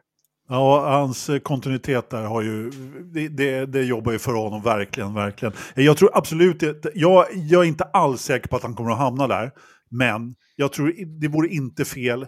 Nu är Mar- Marcus en slow starter, men jag menar nu kan han Indycar, eh, han får, om han kör... Slow starter, såg du inte Iowa? Han var ju nästan uppe i ledning efter varje omstart. Jag skulle, precis, jag skulle komma till det. Han, Efter ett par år, han, ja. han har ju trots allt jobbat väldigt annorlunda här nu på, på slutet. Och inte alls, liksom, men, men liksom det, i början så tog han det alltid väldigt, väldigt försiktigt. Nu har han en annan approach. Nu går det lite snabbare för honom. Nu har han liksom det här. Eh, nu kommer han igång och gör bättre tider betydligt snabbare och har en helt annan inställning. Det är en liten annan Marcus vi ser faktiskt. Att, Nej, men det de får med det, det som är Marcus, att han är i förarsätet på det, det är precis som ni säger. Jag känner ju inte att Adretti-teamet har ju inte rosa marknaden, tycker jag, med, med den svansföringen de har. Men eh, vad säger man på engelska? Work, work ethics. Eh, Det är någonting Marcus har gjort sig känd för sedan han debuterade i Formel 1 2014. Han jobbar jävligt hårt, han lämnar ingenting åt slumpen och som du sa Knös, det han gjort med de här tjockskallarna som har bytt däck på hans bil. Vi vet hur det var första säsongen och eh, jag tror det är mycket vi inte ser som ligger bakom att han kallar till möten på fabriken, att han driver det här, att han är sin egen chef, allt det här. Och det är nog precis det som behövs i Andretti tror jag. Istället för med en fransman som gillar att käka mat, åka runt i husbilen och spela in eh, eh, Yo- YouTube-videos. Får jag, får jag säga något? Absolut. Vad du vill får du säga. Jag tror att Roman Grosjean är kvar i Andretti nästa år. Buah. Men jag tror att han har en teamkamrat som heter Marcus Eriksson. Så, ja, okej, jag kan köpa det. Men Col- Colton då? Col- Colton och de, ja det är Devlin De Francesco som, som är killen som eh, åker ut och det gör ju ingenting. Men jag tror att Andretti skulle se det som ett ganska bra förarpar att få in. Dels så har du kontinuiteten från Marcus, eh, work ethics, precis som du pratar om eh, Engelmark. Eh, sen är det som så att reklammässigt så är Romain Grosjean en fantastisk story att ha och sälja in till sina sponsorer. Han har till och med slutat åka sin husbil numera. Han bor i Florida. Han är the American dream. Han tar istället för husbilen runt om så flyger han sitt eget lilla flygplan eftersom han precis har tagit flygcertifikat. Så tar han planet själv som pilot. Alltså vilken story man kan driva runt Romain Grosjean. Sånt väger Sånt. ganska mycket Det faktiskt. är jätteviktigt att ha. Därför så är det här eh, och, och sen ska man också tänka på att okej, han kanske klagar som en eh, fan när det går dåligt. Men Michael Andretti var ju fan ingen duvunge han heller när, när det begav sig. Han var ganska högljudd också när det inte gick hans väg. Men det är väl alla elitidrottare som vill vinna. Precis, Mm. men man ska också säga så här att eh, Romain Grosjean har haft ganska mycket stolpe ut i år. Han har Själv, ändå, självförvållad stolpe ut. i, i, i många fall självförvållad stolpe ut, men ändå liksom. Han, han, han är inte långsammast i fältet. Det är han definitivt inte. Nej, men Han, han ska polera sig lite och det, det är svårt. Jag måste bara bryta in där i det Stolpa. Alltså, det, är helt korrekt. Jag skulle bara, liksom, det var någon racerförare en gång som sa, eh, för, för att man ska liksom ska... nu tappade jag citatet också, jag är bara lite förvirrad. Men to finish you have to finish först. Liksom. Det, det, Absolut. För att vinna så måste du komma i mål. Ja. Mm. Ja, men så är det. Och det är väl det, det är Grosjeans stora problem och det har det ju alltid varit. Även i Formel 1. Liksom, farten har han ju. Men han vinner ju inte. Men det är för att han fan inte kommer i mål. Eh, Han liksom. är kvala som en kung, men eh, sen ställer han ju till det. Eh, så. Och det, det kommer säkert rätta till, han kommer säkert, när han eh, liksom, bara får ihop det där så kommer det säkert gå jättebra. Men, eh, men- frågan är hur Han är långt 30, tålamod 36, 37 Michael år. Andretti har. Fan, det är fan dags att, Men vi- ha vi- ordning på det. Men vi som kan, han är ju gammal nu Grosjean också, Eh, men vi som kan hans karriär, han har ju de här downs ibland. Och han, eh, han, var ju, han blev ju hånad för, för han var lite sin före sin tid. För det var ju 2012 där när han fick chansen i Lotus eller Team Enstone. Då gick ju han till en psykolog. Och sen så körde han ju skitbra och 2013 var ju fantastisk. Sen har han ju de här dipparna när det, när det är de här brain fade eller vad vi ska kalla det hela tiden. Eh, överambition skulle jag vilja Mm. kalla det. Ja, ja, ja absolut. Och, och, och där kanske han kan dra nytta av Marcus. Som faktiskt är väldigt bra på det här mentala. Liksom, Mm. eh, Försök att få ihop, alltså, få ihop de här två. Nej, han ska inte blanda in, få Grosjean i hans huvud. Någon måtta får det vara. Det, det vill vi inte ha. Grosjean- Grosjean ska inte in, nej nej nej, tvärtom. Marcus ska Ja, liksom vet- ta utrymme i, i Grosjeans huvud. Du vet, Grosjean en sån som Grosjean tar alltid all luft. Så det är nej, nej, nej, nej. De, du vet, Eriksson är redan i Grosjeans huvud. I think he Ja, hit us. Ja, precis. Han, han är redan fast där. Nej, men Andretti Autosport är ett spännande skede nu. Ny fabrik, ansökt om att få med i Formel 1. Hoppas vi får in Eriksson. Det skulle inte förvåna mig om Ottmar Schaffenhauer sitter i deras nya F1-stall där.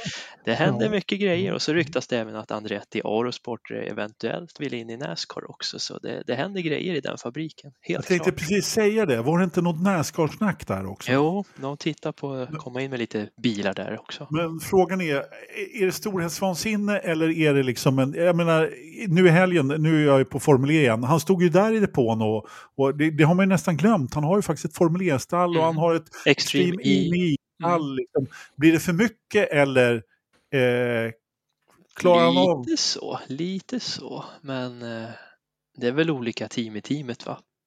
Ja, det är lite klart som. McLaren har. Jo, men det är klart det. Ja, det klart, jag ja, förstår precis. vad du menar. Men det kan ju Ja. vara en sån här talangpool. Få in lite nya ingenjörer och testa Ja, lite här och var. Klarar man bara av det liksom, då är det väl inga problem. Liksom. Så, men han är Men det är en jättestor fabrik de ska också. bygga nu Han måste ju liksom köra, Indianapolis. ja, Han måste ju lämna Måste på dagis och sånt där också. Jag menar, han har ju flera småbarn och grejer att hålla ordning på. Så- måste ja. göra det också. Nej, men Andretti Autosport är ett spännande skede, definitivt. Jag hoppas, jag hoppas Eriksson sitter i den bilen. Jag tror det kan bli roligt framöver. Jag hoppas faktiskt lite upp på det också. För att det ska hända lite. Jag med, tillsammans med Roman. För det kommer stallet att tjäna på. Och, då vinner, då vin, och det kommer Marcus att vinna på. Så är det med det. Mhm. Vet ni vad? Det var ingen Forza-undersökning på Indycar den Det här var ju veckan. inte det. Det var ju inte det. Ja, det. Jakob, Jakob, vad farao gjorde du i lördags? Ska vi ta det på övrig motorsport? Det är det inte liker där Brown. vi är snart va? Kolla, nu stilar Jag han. var, jag var roff åt med pokaler. Den ser hel ut, Mm. Va, va, eh, till skillnad från Verstappens. kom plats, så nu, Nej, kom men, du, eh, kom du plats tre med andra ord. Bara för P1 och P2 funkar inte. Vi gör en lång historia kort. Vi har ju vår första lyssnare som har varit med från början, Thomas Skalberg, som även har varit med och kört STEC, långloppsserien, och vann den med Forsa Motorsport Podcast på, på, eh, som lite sponsor på, på dörrarna där. Eh, det var en serie på sju eller åtta lopp runt om i Sverige. Eh, det här är inget att skratta åt, utan, eh, men han vann den 2021. Eh, jag och Thomas pratade ibland och vi körde i samma lag på Forsaloppet förra året och eh, i söndags fick jag frågan, fan vill du inte komma till Mittsverigebanan utanför Härnösand och köra? Eh, för då var det ett sex timmars race där. Och shit tänkte jag, jo men shit, ja gud vad roligt. Eh, utan att tänka så mycket på det. Eh, jag har ju kört lite, men det är ganska länge sedan. Och alla som följer podden, jag har ju lite problem med huvudet och kroppen och, och sådana grejer. Men eh, ja, men jag bokade ett rum på Elite Hotel i Sundsvall på, och åkte upp där på dotterns födelsedag och sov och sen åkte jag till banan. Eh, man börjar bli gammal så man blir inte så jäkla nervös, men eh, ja, du får köra kvalet på morgonen för du måste lära dig bilen och banan, sa de. Ja, ja, jo, fan jag kör kvalet. Och så började jag titta på alla bilar runt där. Det var ju Porsche och BMW och det var allt möjligt. Eh, största problemet hela helgen, det var ju, jag har ju vuxit lite här sista tiden, det var ju att hitta en overall som passar, men det, det ordnas till slut. Men sen Jonny Skalberg som är Thomas pappa och eh, Thomas spände fast mig i bilen. Och nu är jag helt ärlig, när jag satt där då, då skulle jag köra ut från våran depåplats, eller vad man ska säga, där vi hade tältet och, och, och husbilen och grejer. Och så körde jag ut första metrarna, jag kunde inte andas. Det var varmt som fan, jag kunde inte röra huvudet. Eh, jag, hade, jag hade panik. Och jag bara, nej, jag kör runt ett varv här nu, sen kommer jag in, sen åker jag hem, för det här går inte. Jag hade sån klaustrofobi, ja, det var helt sinnes. Men väl ut på banan så drog jag på där och så fort du börjar liksom köra, bara lägga i tvåans växel, då har du annat att tänka på. Eh, så jag fick köra kvalet här, tog det lite försiktigt i början, byggde upp. Eh, Thomas har ju byggt en fantastisk bil, alltså. Måste säga det. det. Det är alla möjliga bilar, jag orkar inte dra reglementet, men Thomas har en Peugeot 206 GTI. eh, 139 eller 136 hästar original, lite vässad. Eh, väger ingenting. Eh, han har satt en diffuser på honom, en bakvinge, en splitter fram, eh, hjulvinklar, riktiga racedäck, allting helt fantastisk bil. Ja, Den, den var helt otrolig att köra och lättkörd för mig som, som inte har kört på länge. Så jag satt den där bilen som trea på kvalet faktiskt, vilket jag är stolt, liksom kommer från ingenstans alls och satt den som trea och kände att det fanns ganska mycket kvar att ge. Eh, sen så vart jag tilldelad, det var tre timmars före lunch och tre timmar efter. Och eh, eh, jag eh, fick sista passet och eh, ja, nej. Eh, man får en helt, det här är ju korpracing, men jag tänker på, vi sitter och kommenterar Marcus och Felix och alla andra i Formel 1 och nej, för fan, man är inte tuff där när man sitter och kör, man är uppe i 140-150 där ibland och, och det kommer bilar ur en klass högre, högre kommer bakom en och det är trafik och man ska... Nej, det var, det var läskigt, men han är så jäkla koncentrerad och fokuserad och, och, och, och allting. Så tycker jag klarade av min första stint ganska bra. Fick lite skäll av Thomas där att jag tappade, tappade en Saab. Det var han inte helt nöjd över. Men eh, sen var det lite lunch, lite varmkorv eh, och sen så var det dags för eh, jag, jag, jag kände, bilen hade ju gått i nästan tre timmar, bromsar började ta slut, däcken var inte bra, bilen var inte alls som den var på kvalet. Och, och det är också så här, jag pratar om koncentration, nu lägger jag ut texten, jag ber om ursäkt alla som lyssnar, jag måste bara, jag satt och funderade där jag kom, det var en fullfartshöger, kurva 4, så funderade jag, gud vad bilen hasar, och så började jag fundera på, är det däckstryck eller vad är det? Och det var liksom två, tre tiondelar jag funderade på. Sen bara shit, det är chikanen, kurva, ja, bromsa på med, bara bom, bom, bom. Alltså, och, och, då tänker jag på Indy 500, de sitter i tre timmar i 380 kilometer i timmen med 30 andra bilar, så man blir jävligt ödmjuk. Men eh, återigen, Thomas, fantastisk jäkla bil eh, Team Lil Sia har byggt den här personen, för vi har inte motoreffekter, men Eh, en BMW M3 som körde där och det var någon gammal Porsche och lite allt möjligt. Ja, de susar om en uppförsbacken på raka, men fan i kurvorna. Då höll vi, höll vi bra. Men jag fick köra andra stinten efter lunch. Eh, nya däck, lägre lufttryck i däcken efter jag hade haft möte med ingenjörerna.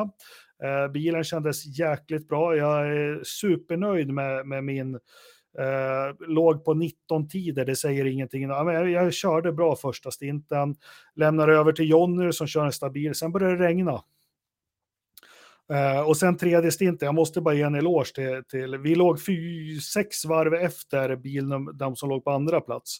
Hade haft lite otur med depåstopp och, och sådana grejer, för vi ska tanka och man ska byta förare. Och, I vårt stall så har jag ett annat omfång, så då måste man justera bälten och sådana grejer, så det tar lite längre tid. Men det började spöregna och den körningen, alltså Skalberg, eh, han hade ett 80 minuters pass sista i regnet. Han körde alltså in, på 80 minuter körde han in eh, eh, fem varv på den andra bilen och han var, jag har ju berättat vad det fanns med för bilar eftersom det är olika klasser. Han låg i det här regnet, den här lilla personen, var snabbast på banan. Eh, tyvärr så slutade det regna med 20 minuter kvar och vi, Thomas fick inte fick inte tag i den bilen vi jagade och han var jäkligt slut alltså. Han var helt knäckt efteråt för jävlar vad han körde. Men ja, eh, får ni chansen att köra STEC och, och liksom gör det, för det, det här är en gammal man som inte har mycket att glädjas över. Det här var skitroligt och jag måste få säga jag är jättenöjd med att jag körde så pass bra som jag gjorde. För jag tycker verkligen jag körde bra och stabilt. Jag var lite försiktig. Ja, det, jag måste bara säga en sak, jag låg bakom jävla idioter från Skellefteå, någon jävla Renault. 30, 25 varv. Och ibland sitter man och kollar på Formel 1, eller Marcus eller Felix, bara, varför kör ni inte om? Jag vågade inte köra om. Det är liksom, och då kör vi 140, 150, 130, 70 kilometer i timmen jag vågade liksom inte, inte köra om, så man blir jäkligt ödmjuk.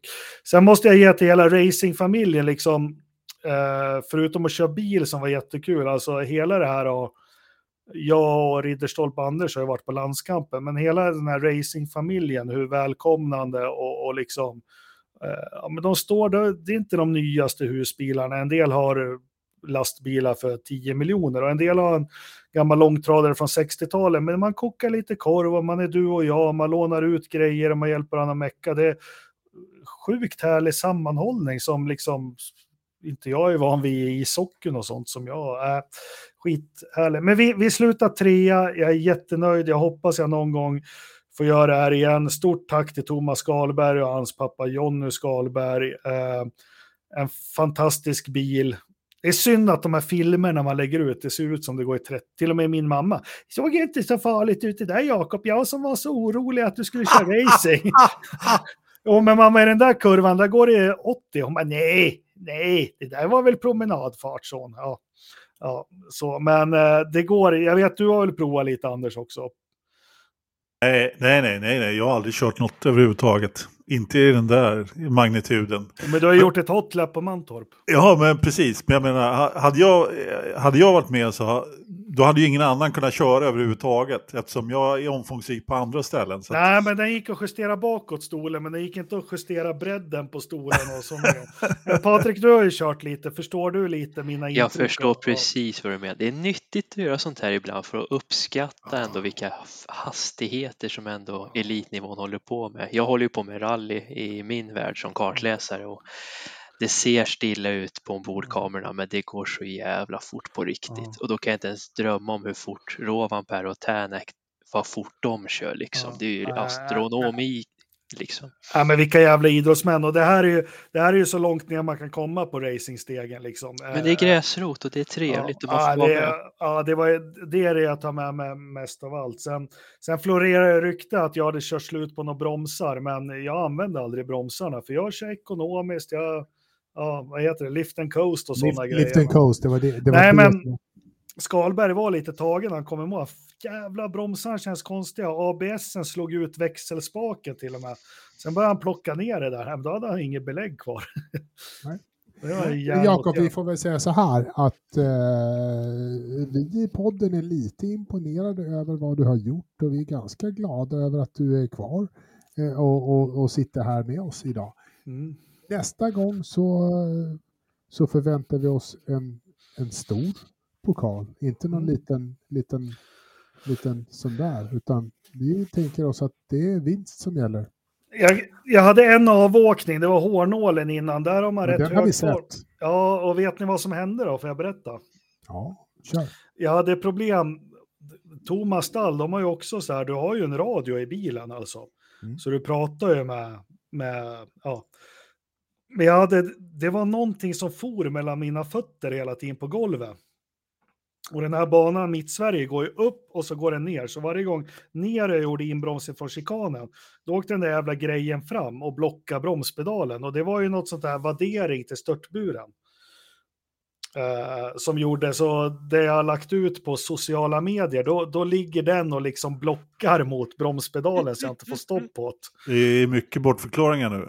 Nej, men den är faktiskt ja, sann. Du vet, ra- ra- racing, racingexpertisens heliga bok liksom. Nej, men den är helt jävla sann. Den kan faktiskt Thomas vidimera. Jag hoppas han tar kort på det. Men, och det var ju också, för jag hade problem med det innan och när jag kom ut på långa raka försökte sparka bort den där med hälen, men jag gjorde fel. Jag valde att försöka göra det med högerbenet. Och då släppte jag ju gasen hela Ja, tiden. det var väl dumt. Ja, det var jätte... Men man sitter jävligt fast i de där bilarna. Alltså. Det, men eh, ja, äh, äh, skitkul och, och alla ni som håller på med racing på den här nivån ute i Sverige åker dit med familj. Jag tänker på Hasse som arrangerar de här loppen. Alltså det är ingen dans på, på röda rosor utan han har sin fru som står och steker hamburgare och, och, och liksom. Nej, det, förutom körningen, jag tar fan med mig det, sammanhållningen och, och, och glädjen och, och, och, och allting som vi har upplevt på landskampen och säkert du också Patrik på rally Absolut. rally, i rallyskogarna. Det är en jävla varm familj, motorsportfamiljen här i Sverige. Det är det faktiskt. Så så var det med det. Men Anders, jag vet, nu vill inte du höra mer om det här, för du är ju supersugen på att... Eh, ja, Thomas Skalberg frågar, hur mår kroppen? Det här kan jag också berätta. Eh, jag körde ju hem, jag hade ju 35 mil hem från... Eh, för jag ville komma hem. I gårdagen, det, det var något nytt för mig. Jag är inte bäst tränare i världen, men jag har i alla fall sprungit några maraton och jag har... Jag har aldrig varit så sänkt som jag var igår. Det var helt sjukt, jag var helt knäckt igår. Eh, både mentalt och eh, fysiskt, axlar. eh, eh, ja, det, sitta och koncentrera sig så där länge. Det, ja, nej. Så jag, jag var inte mycket för världen. Men kroppen mår bra, Skalberg. Tack som frågar. Och eh, tack så mycket. Vi hoppas att du sätter någon annan Forsa-medlem i den där bilen eh, nästa gång. För det var en fantastisk bil du har byggt. En helt otrolig var den. Den var så jävla kul att köra. Och, short shift hade han också. Bara, tut, tut, tut, bara. Ja, fan. Det, ja, det, jävla coolt. Ja. Nu gick han igång igen, den lilla farbrorn. Ja, Ja, återigen. Men pokalen var hel i alla fall. Så precis som Ja. Patrik var inne på där. Ja, så men, det, eh, Team Lill, Lill Sia, jag fick den här bara för att visa upp i podden. Eh, så den ska ju återbördas till Thomas under Forsa-loppet nu i helgen, så får han ställa den där. Så ja, det är inte första pokalen jag roffar åt mig, men det är den första i racing i alla fall. Coolt. eftersom det gick ju faktiskt åt en pokal i, till, som du var inne på där Patrik. Vad var det som hände? Nej, men Red Bull skulle ju fira sin lilla seger och hade sin här teamfotosession om man ska säga. Och när bubblet kommer och champagnesprayen så vill ju ingen vara där för det blir så kladdigt. Då lyckas de välta, vad heter det, inte scoreboarden men informationstavlan de har. Ja, eh, pit, pitboarden. Pitboarden, ja. På tavlan. depåtal, när råkade de välta över hans fina pokal så den gick ju in i flera delar. Han kunde inte tro det var sant, Verstappen. No, not again! Men den här gången skulle Red Bull laga den själva. Jaha, ja. Jaha, ja. Ja, den kanske var lite mer lättlagad än väl, porslinsfiguren eh, förra gången. man ska väl smasha sina rekord, är det inte det han håller på med? Ja, ja, precis. precis. Men man gör en tredje raka i Holland. Eh, Det, det får vi väl hoppas att de inte gör va? Ja, eh, Anders, F1, F2, F3. Shoot. ja, nej, men jag behöver inte prata ihjäl mig speciellt Bra, mycket då om det. får men- Patrik prata nästa Men jag tycker ändå att vi, man måste ju ändå nämna Formel E som, som det var avslutningstävlingen ändå. Eh, så att, eh, och det var ju ett jäkla spektakel, en dubbeltävling som eh, hölls i London som var både inomhus och inom, vad sa jag, utomhus och inomhus. Så man startade inomhus och så körde man ut och sen så, ja, ni förstår själva. Eh, det är mycket märklig bana egentligen. Jävla spektakel! Ja, men det var... Alltså, för, alltså, ja, det var ändå ganska intressant lopp där på lördagen. Mm. Eh, men men det, det var egentligen eh, Jack Dennis där som körde hem mästerskapet. Han, han, han satt ju i förarsätet där för att göra det också. Det var väl egentligen David Cassidy då som hade möjligheten då. Men eh, det satte hans stallkamrat eh, Sebastian Buemi ordentligt stopp för. Han körde helt enkelt eh, av honom. Eh, och ja, precis. Och eh, sen hojtade han efter, efter en stund på radion. Liksom, Vadå, vad, vad var det med någon framvinge? Ja, men, ja. De hade lite dålig kommunikation i det där stallet får man väl säga. Men i vilket fall som helst så, så titelkombatanten försvann där helt enkelt. Och eh, han slutade tvåa till slut, där gick Dennis, som gjorde att han säkrade, säkrade mästerskapet på, på lördagen redan. Så att, eh, sen, sen eh, när det skulle köras om det på söndagen så regnade det. Eh, blev, eh, ja, som det brukar göra i den där stan, rätt ofta. Regnade ganska ordentligt så de körde lite varv bra bakom eh, säkerhetsbil. För det skulle ju ändå, eh, vet eh,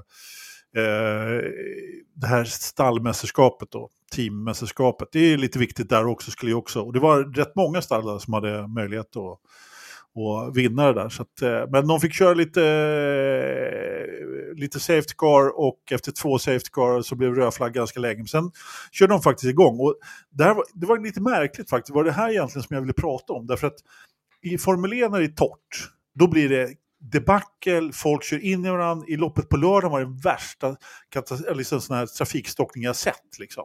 Eh, alltså tre bilar kom runt och sen var det, var det bara tvärstopp. Det, Liksom, det så att- låter som Nascar det här. Liksom, när det är så här.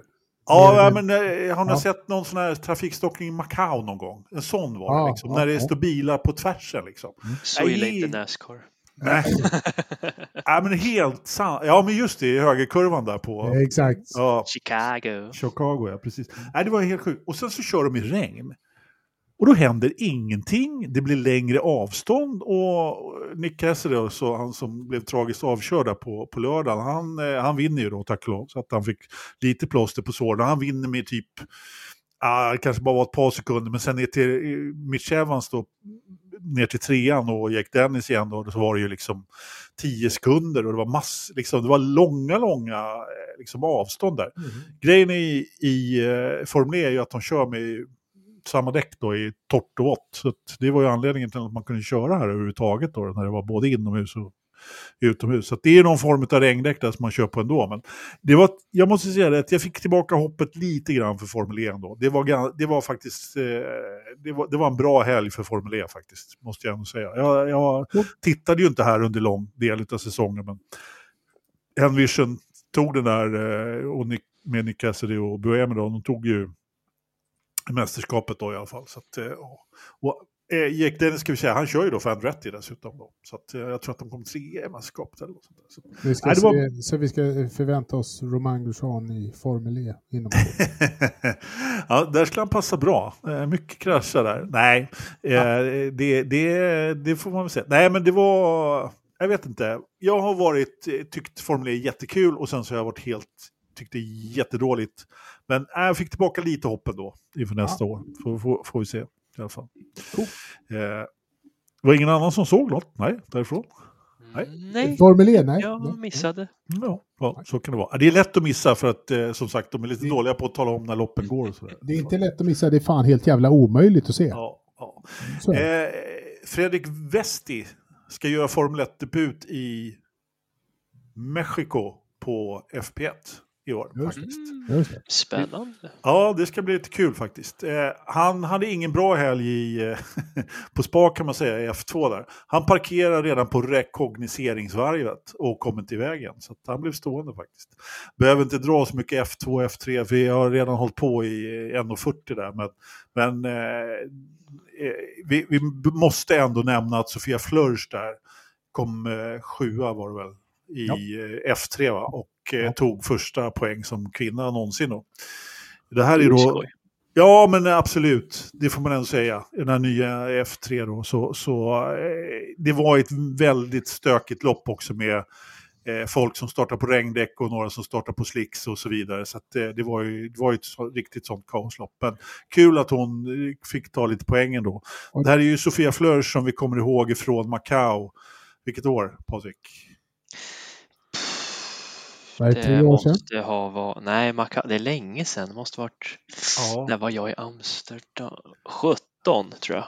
ja. Hon nej, kom- 18, 18, 18, 18. 2018. Ja, hon kom alltså flygande baklänges in i tv-tornet.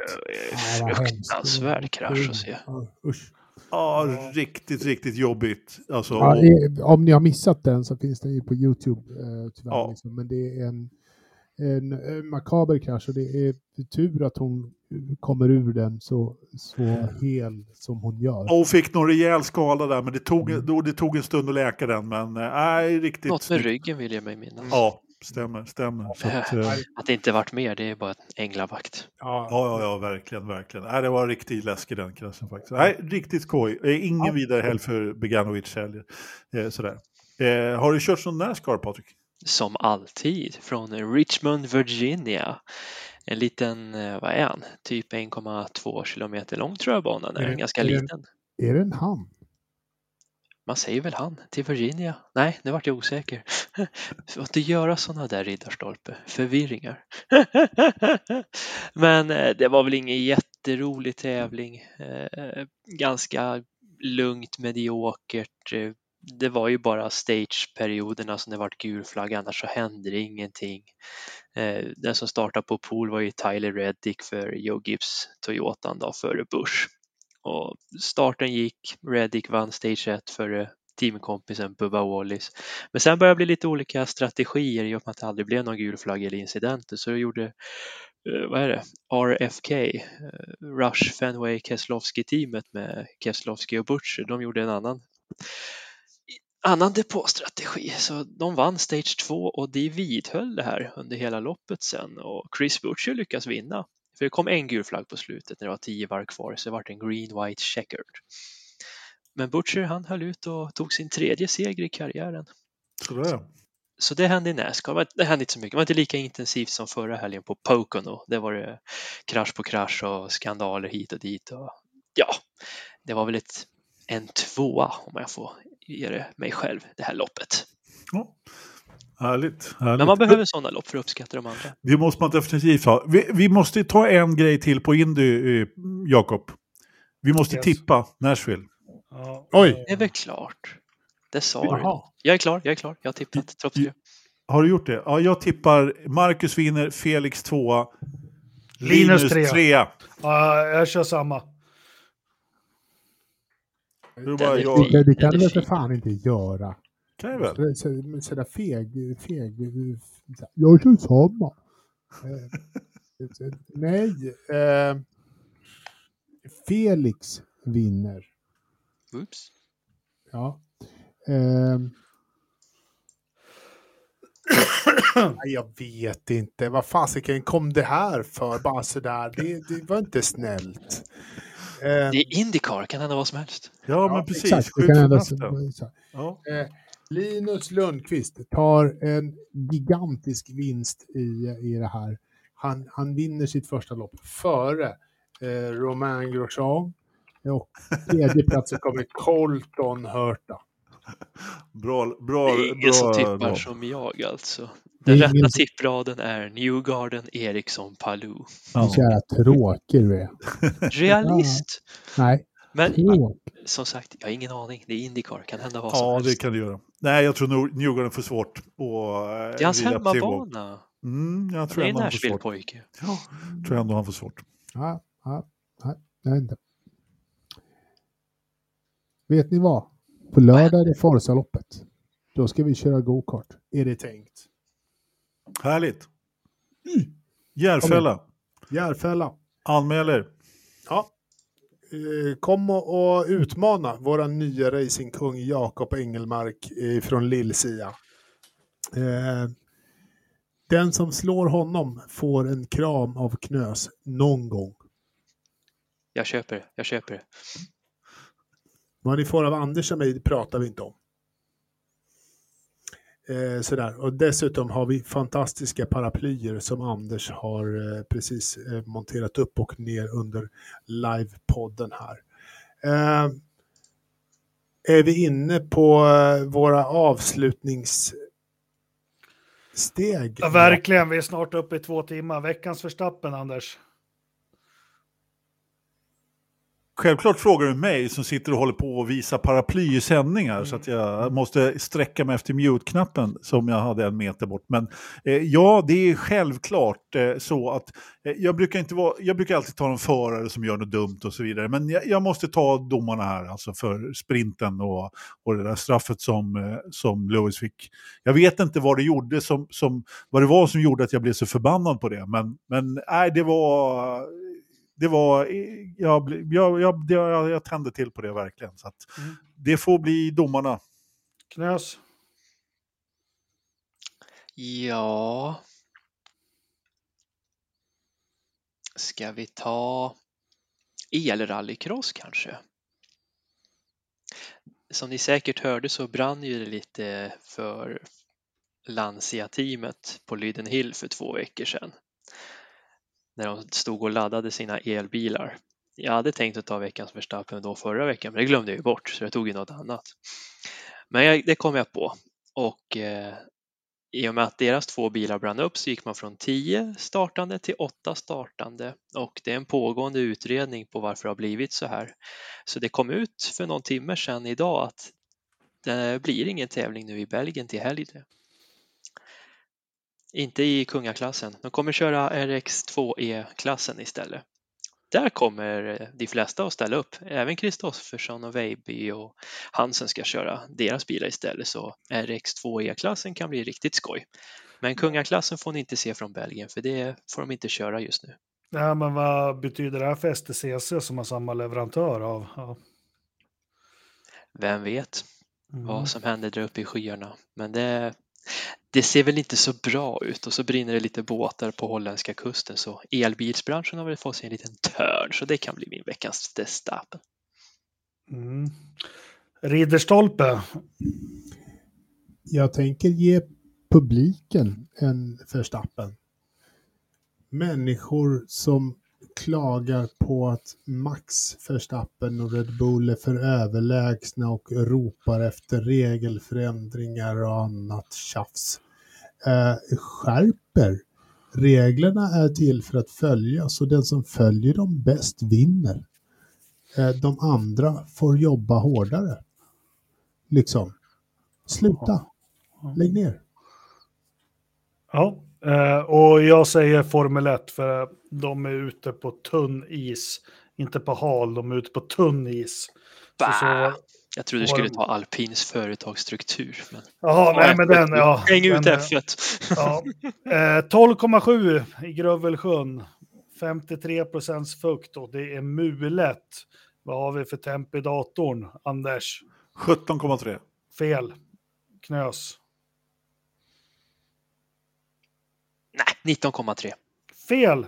Nej! 20 20,6. Fel, det är 18,4 i datorn i Grövelsjön. Hörni, anmäl er till Forsaloppet. Tack så mycket för att vi får göra det här ihop med er. Eh, ja, vi hörs på måndag igen. Det gör vi. Ha det Kämpa bra. Linus. Ha det bra. Hej, Hej hej.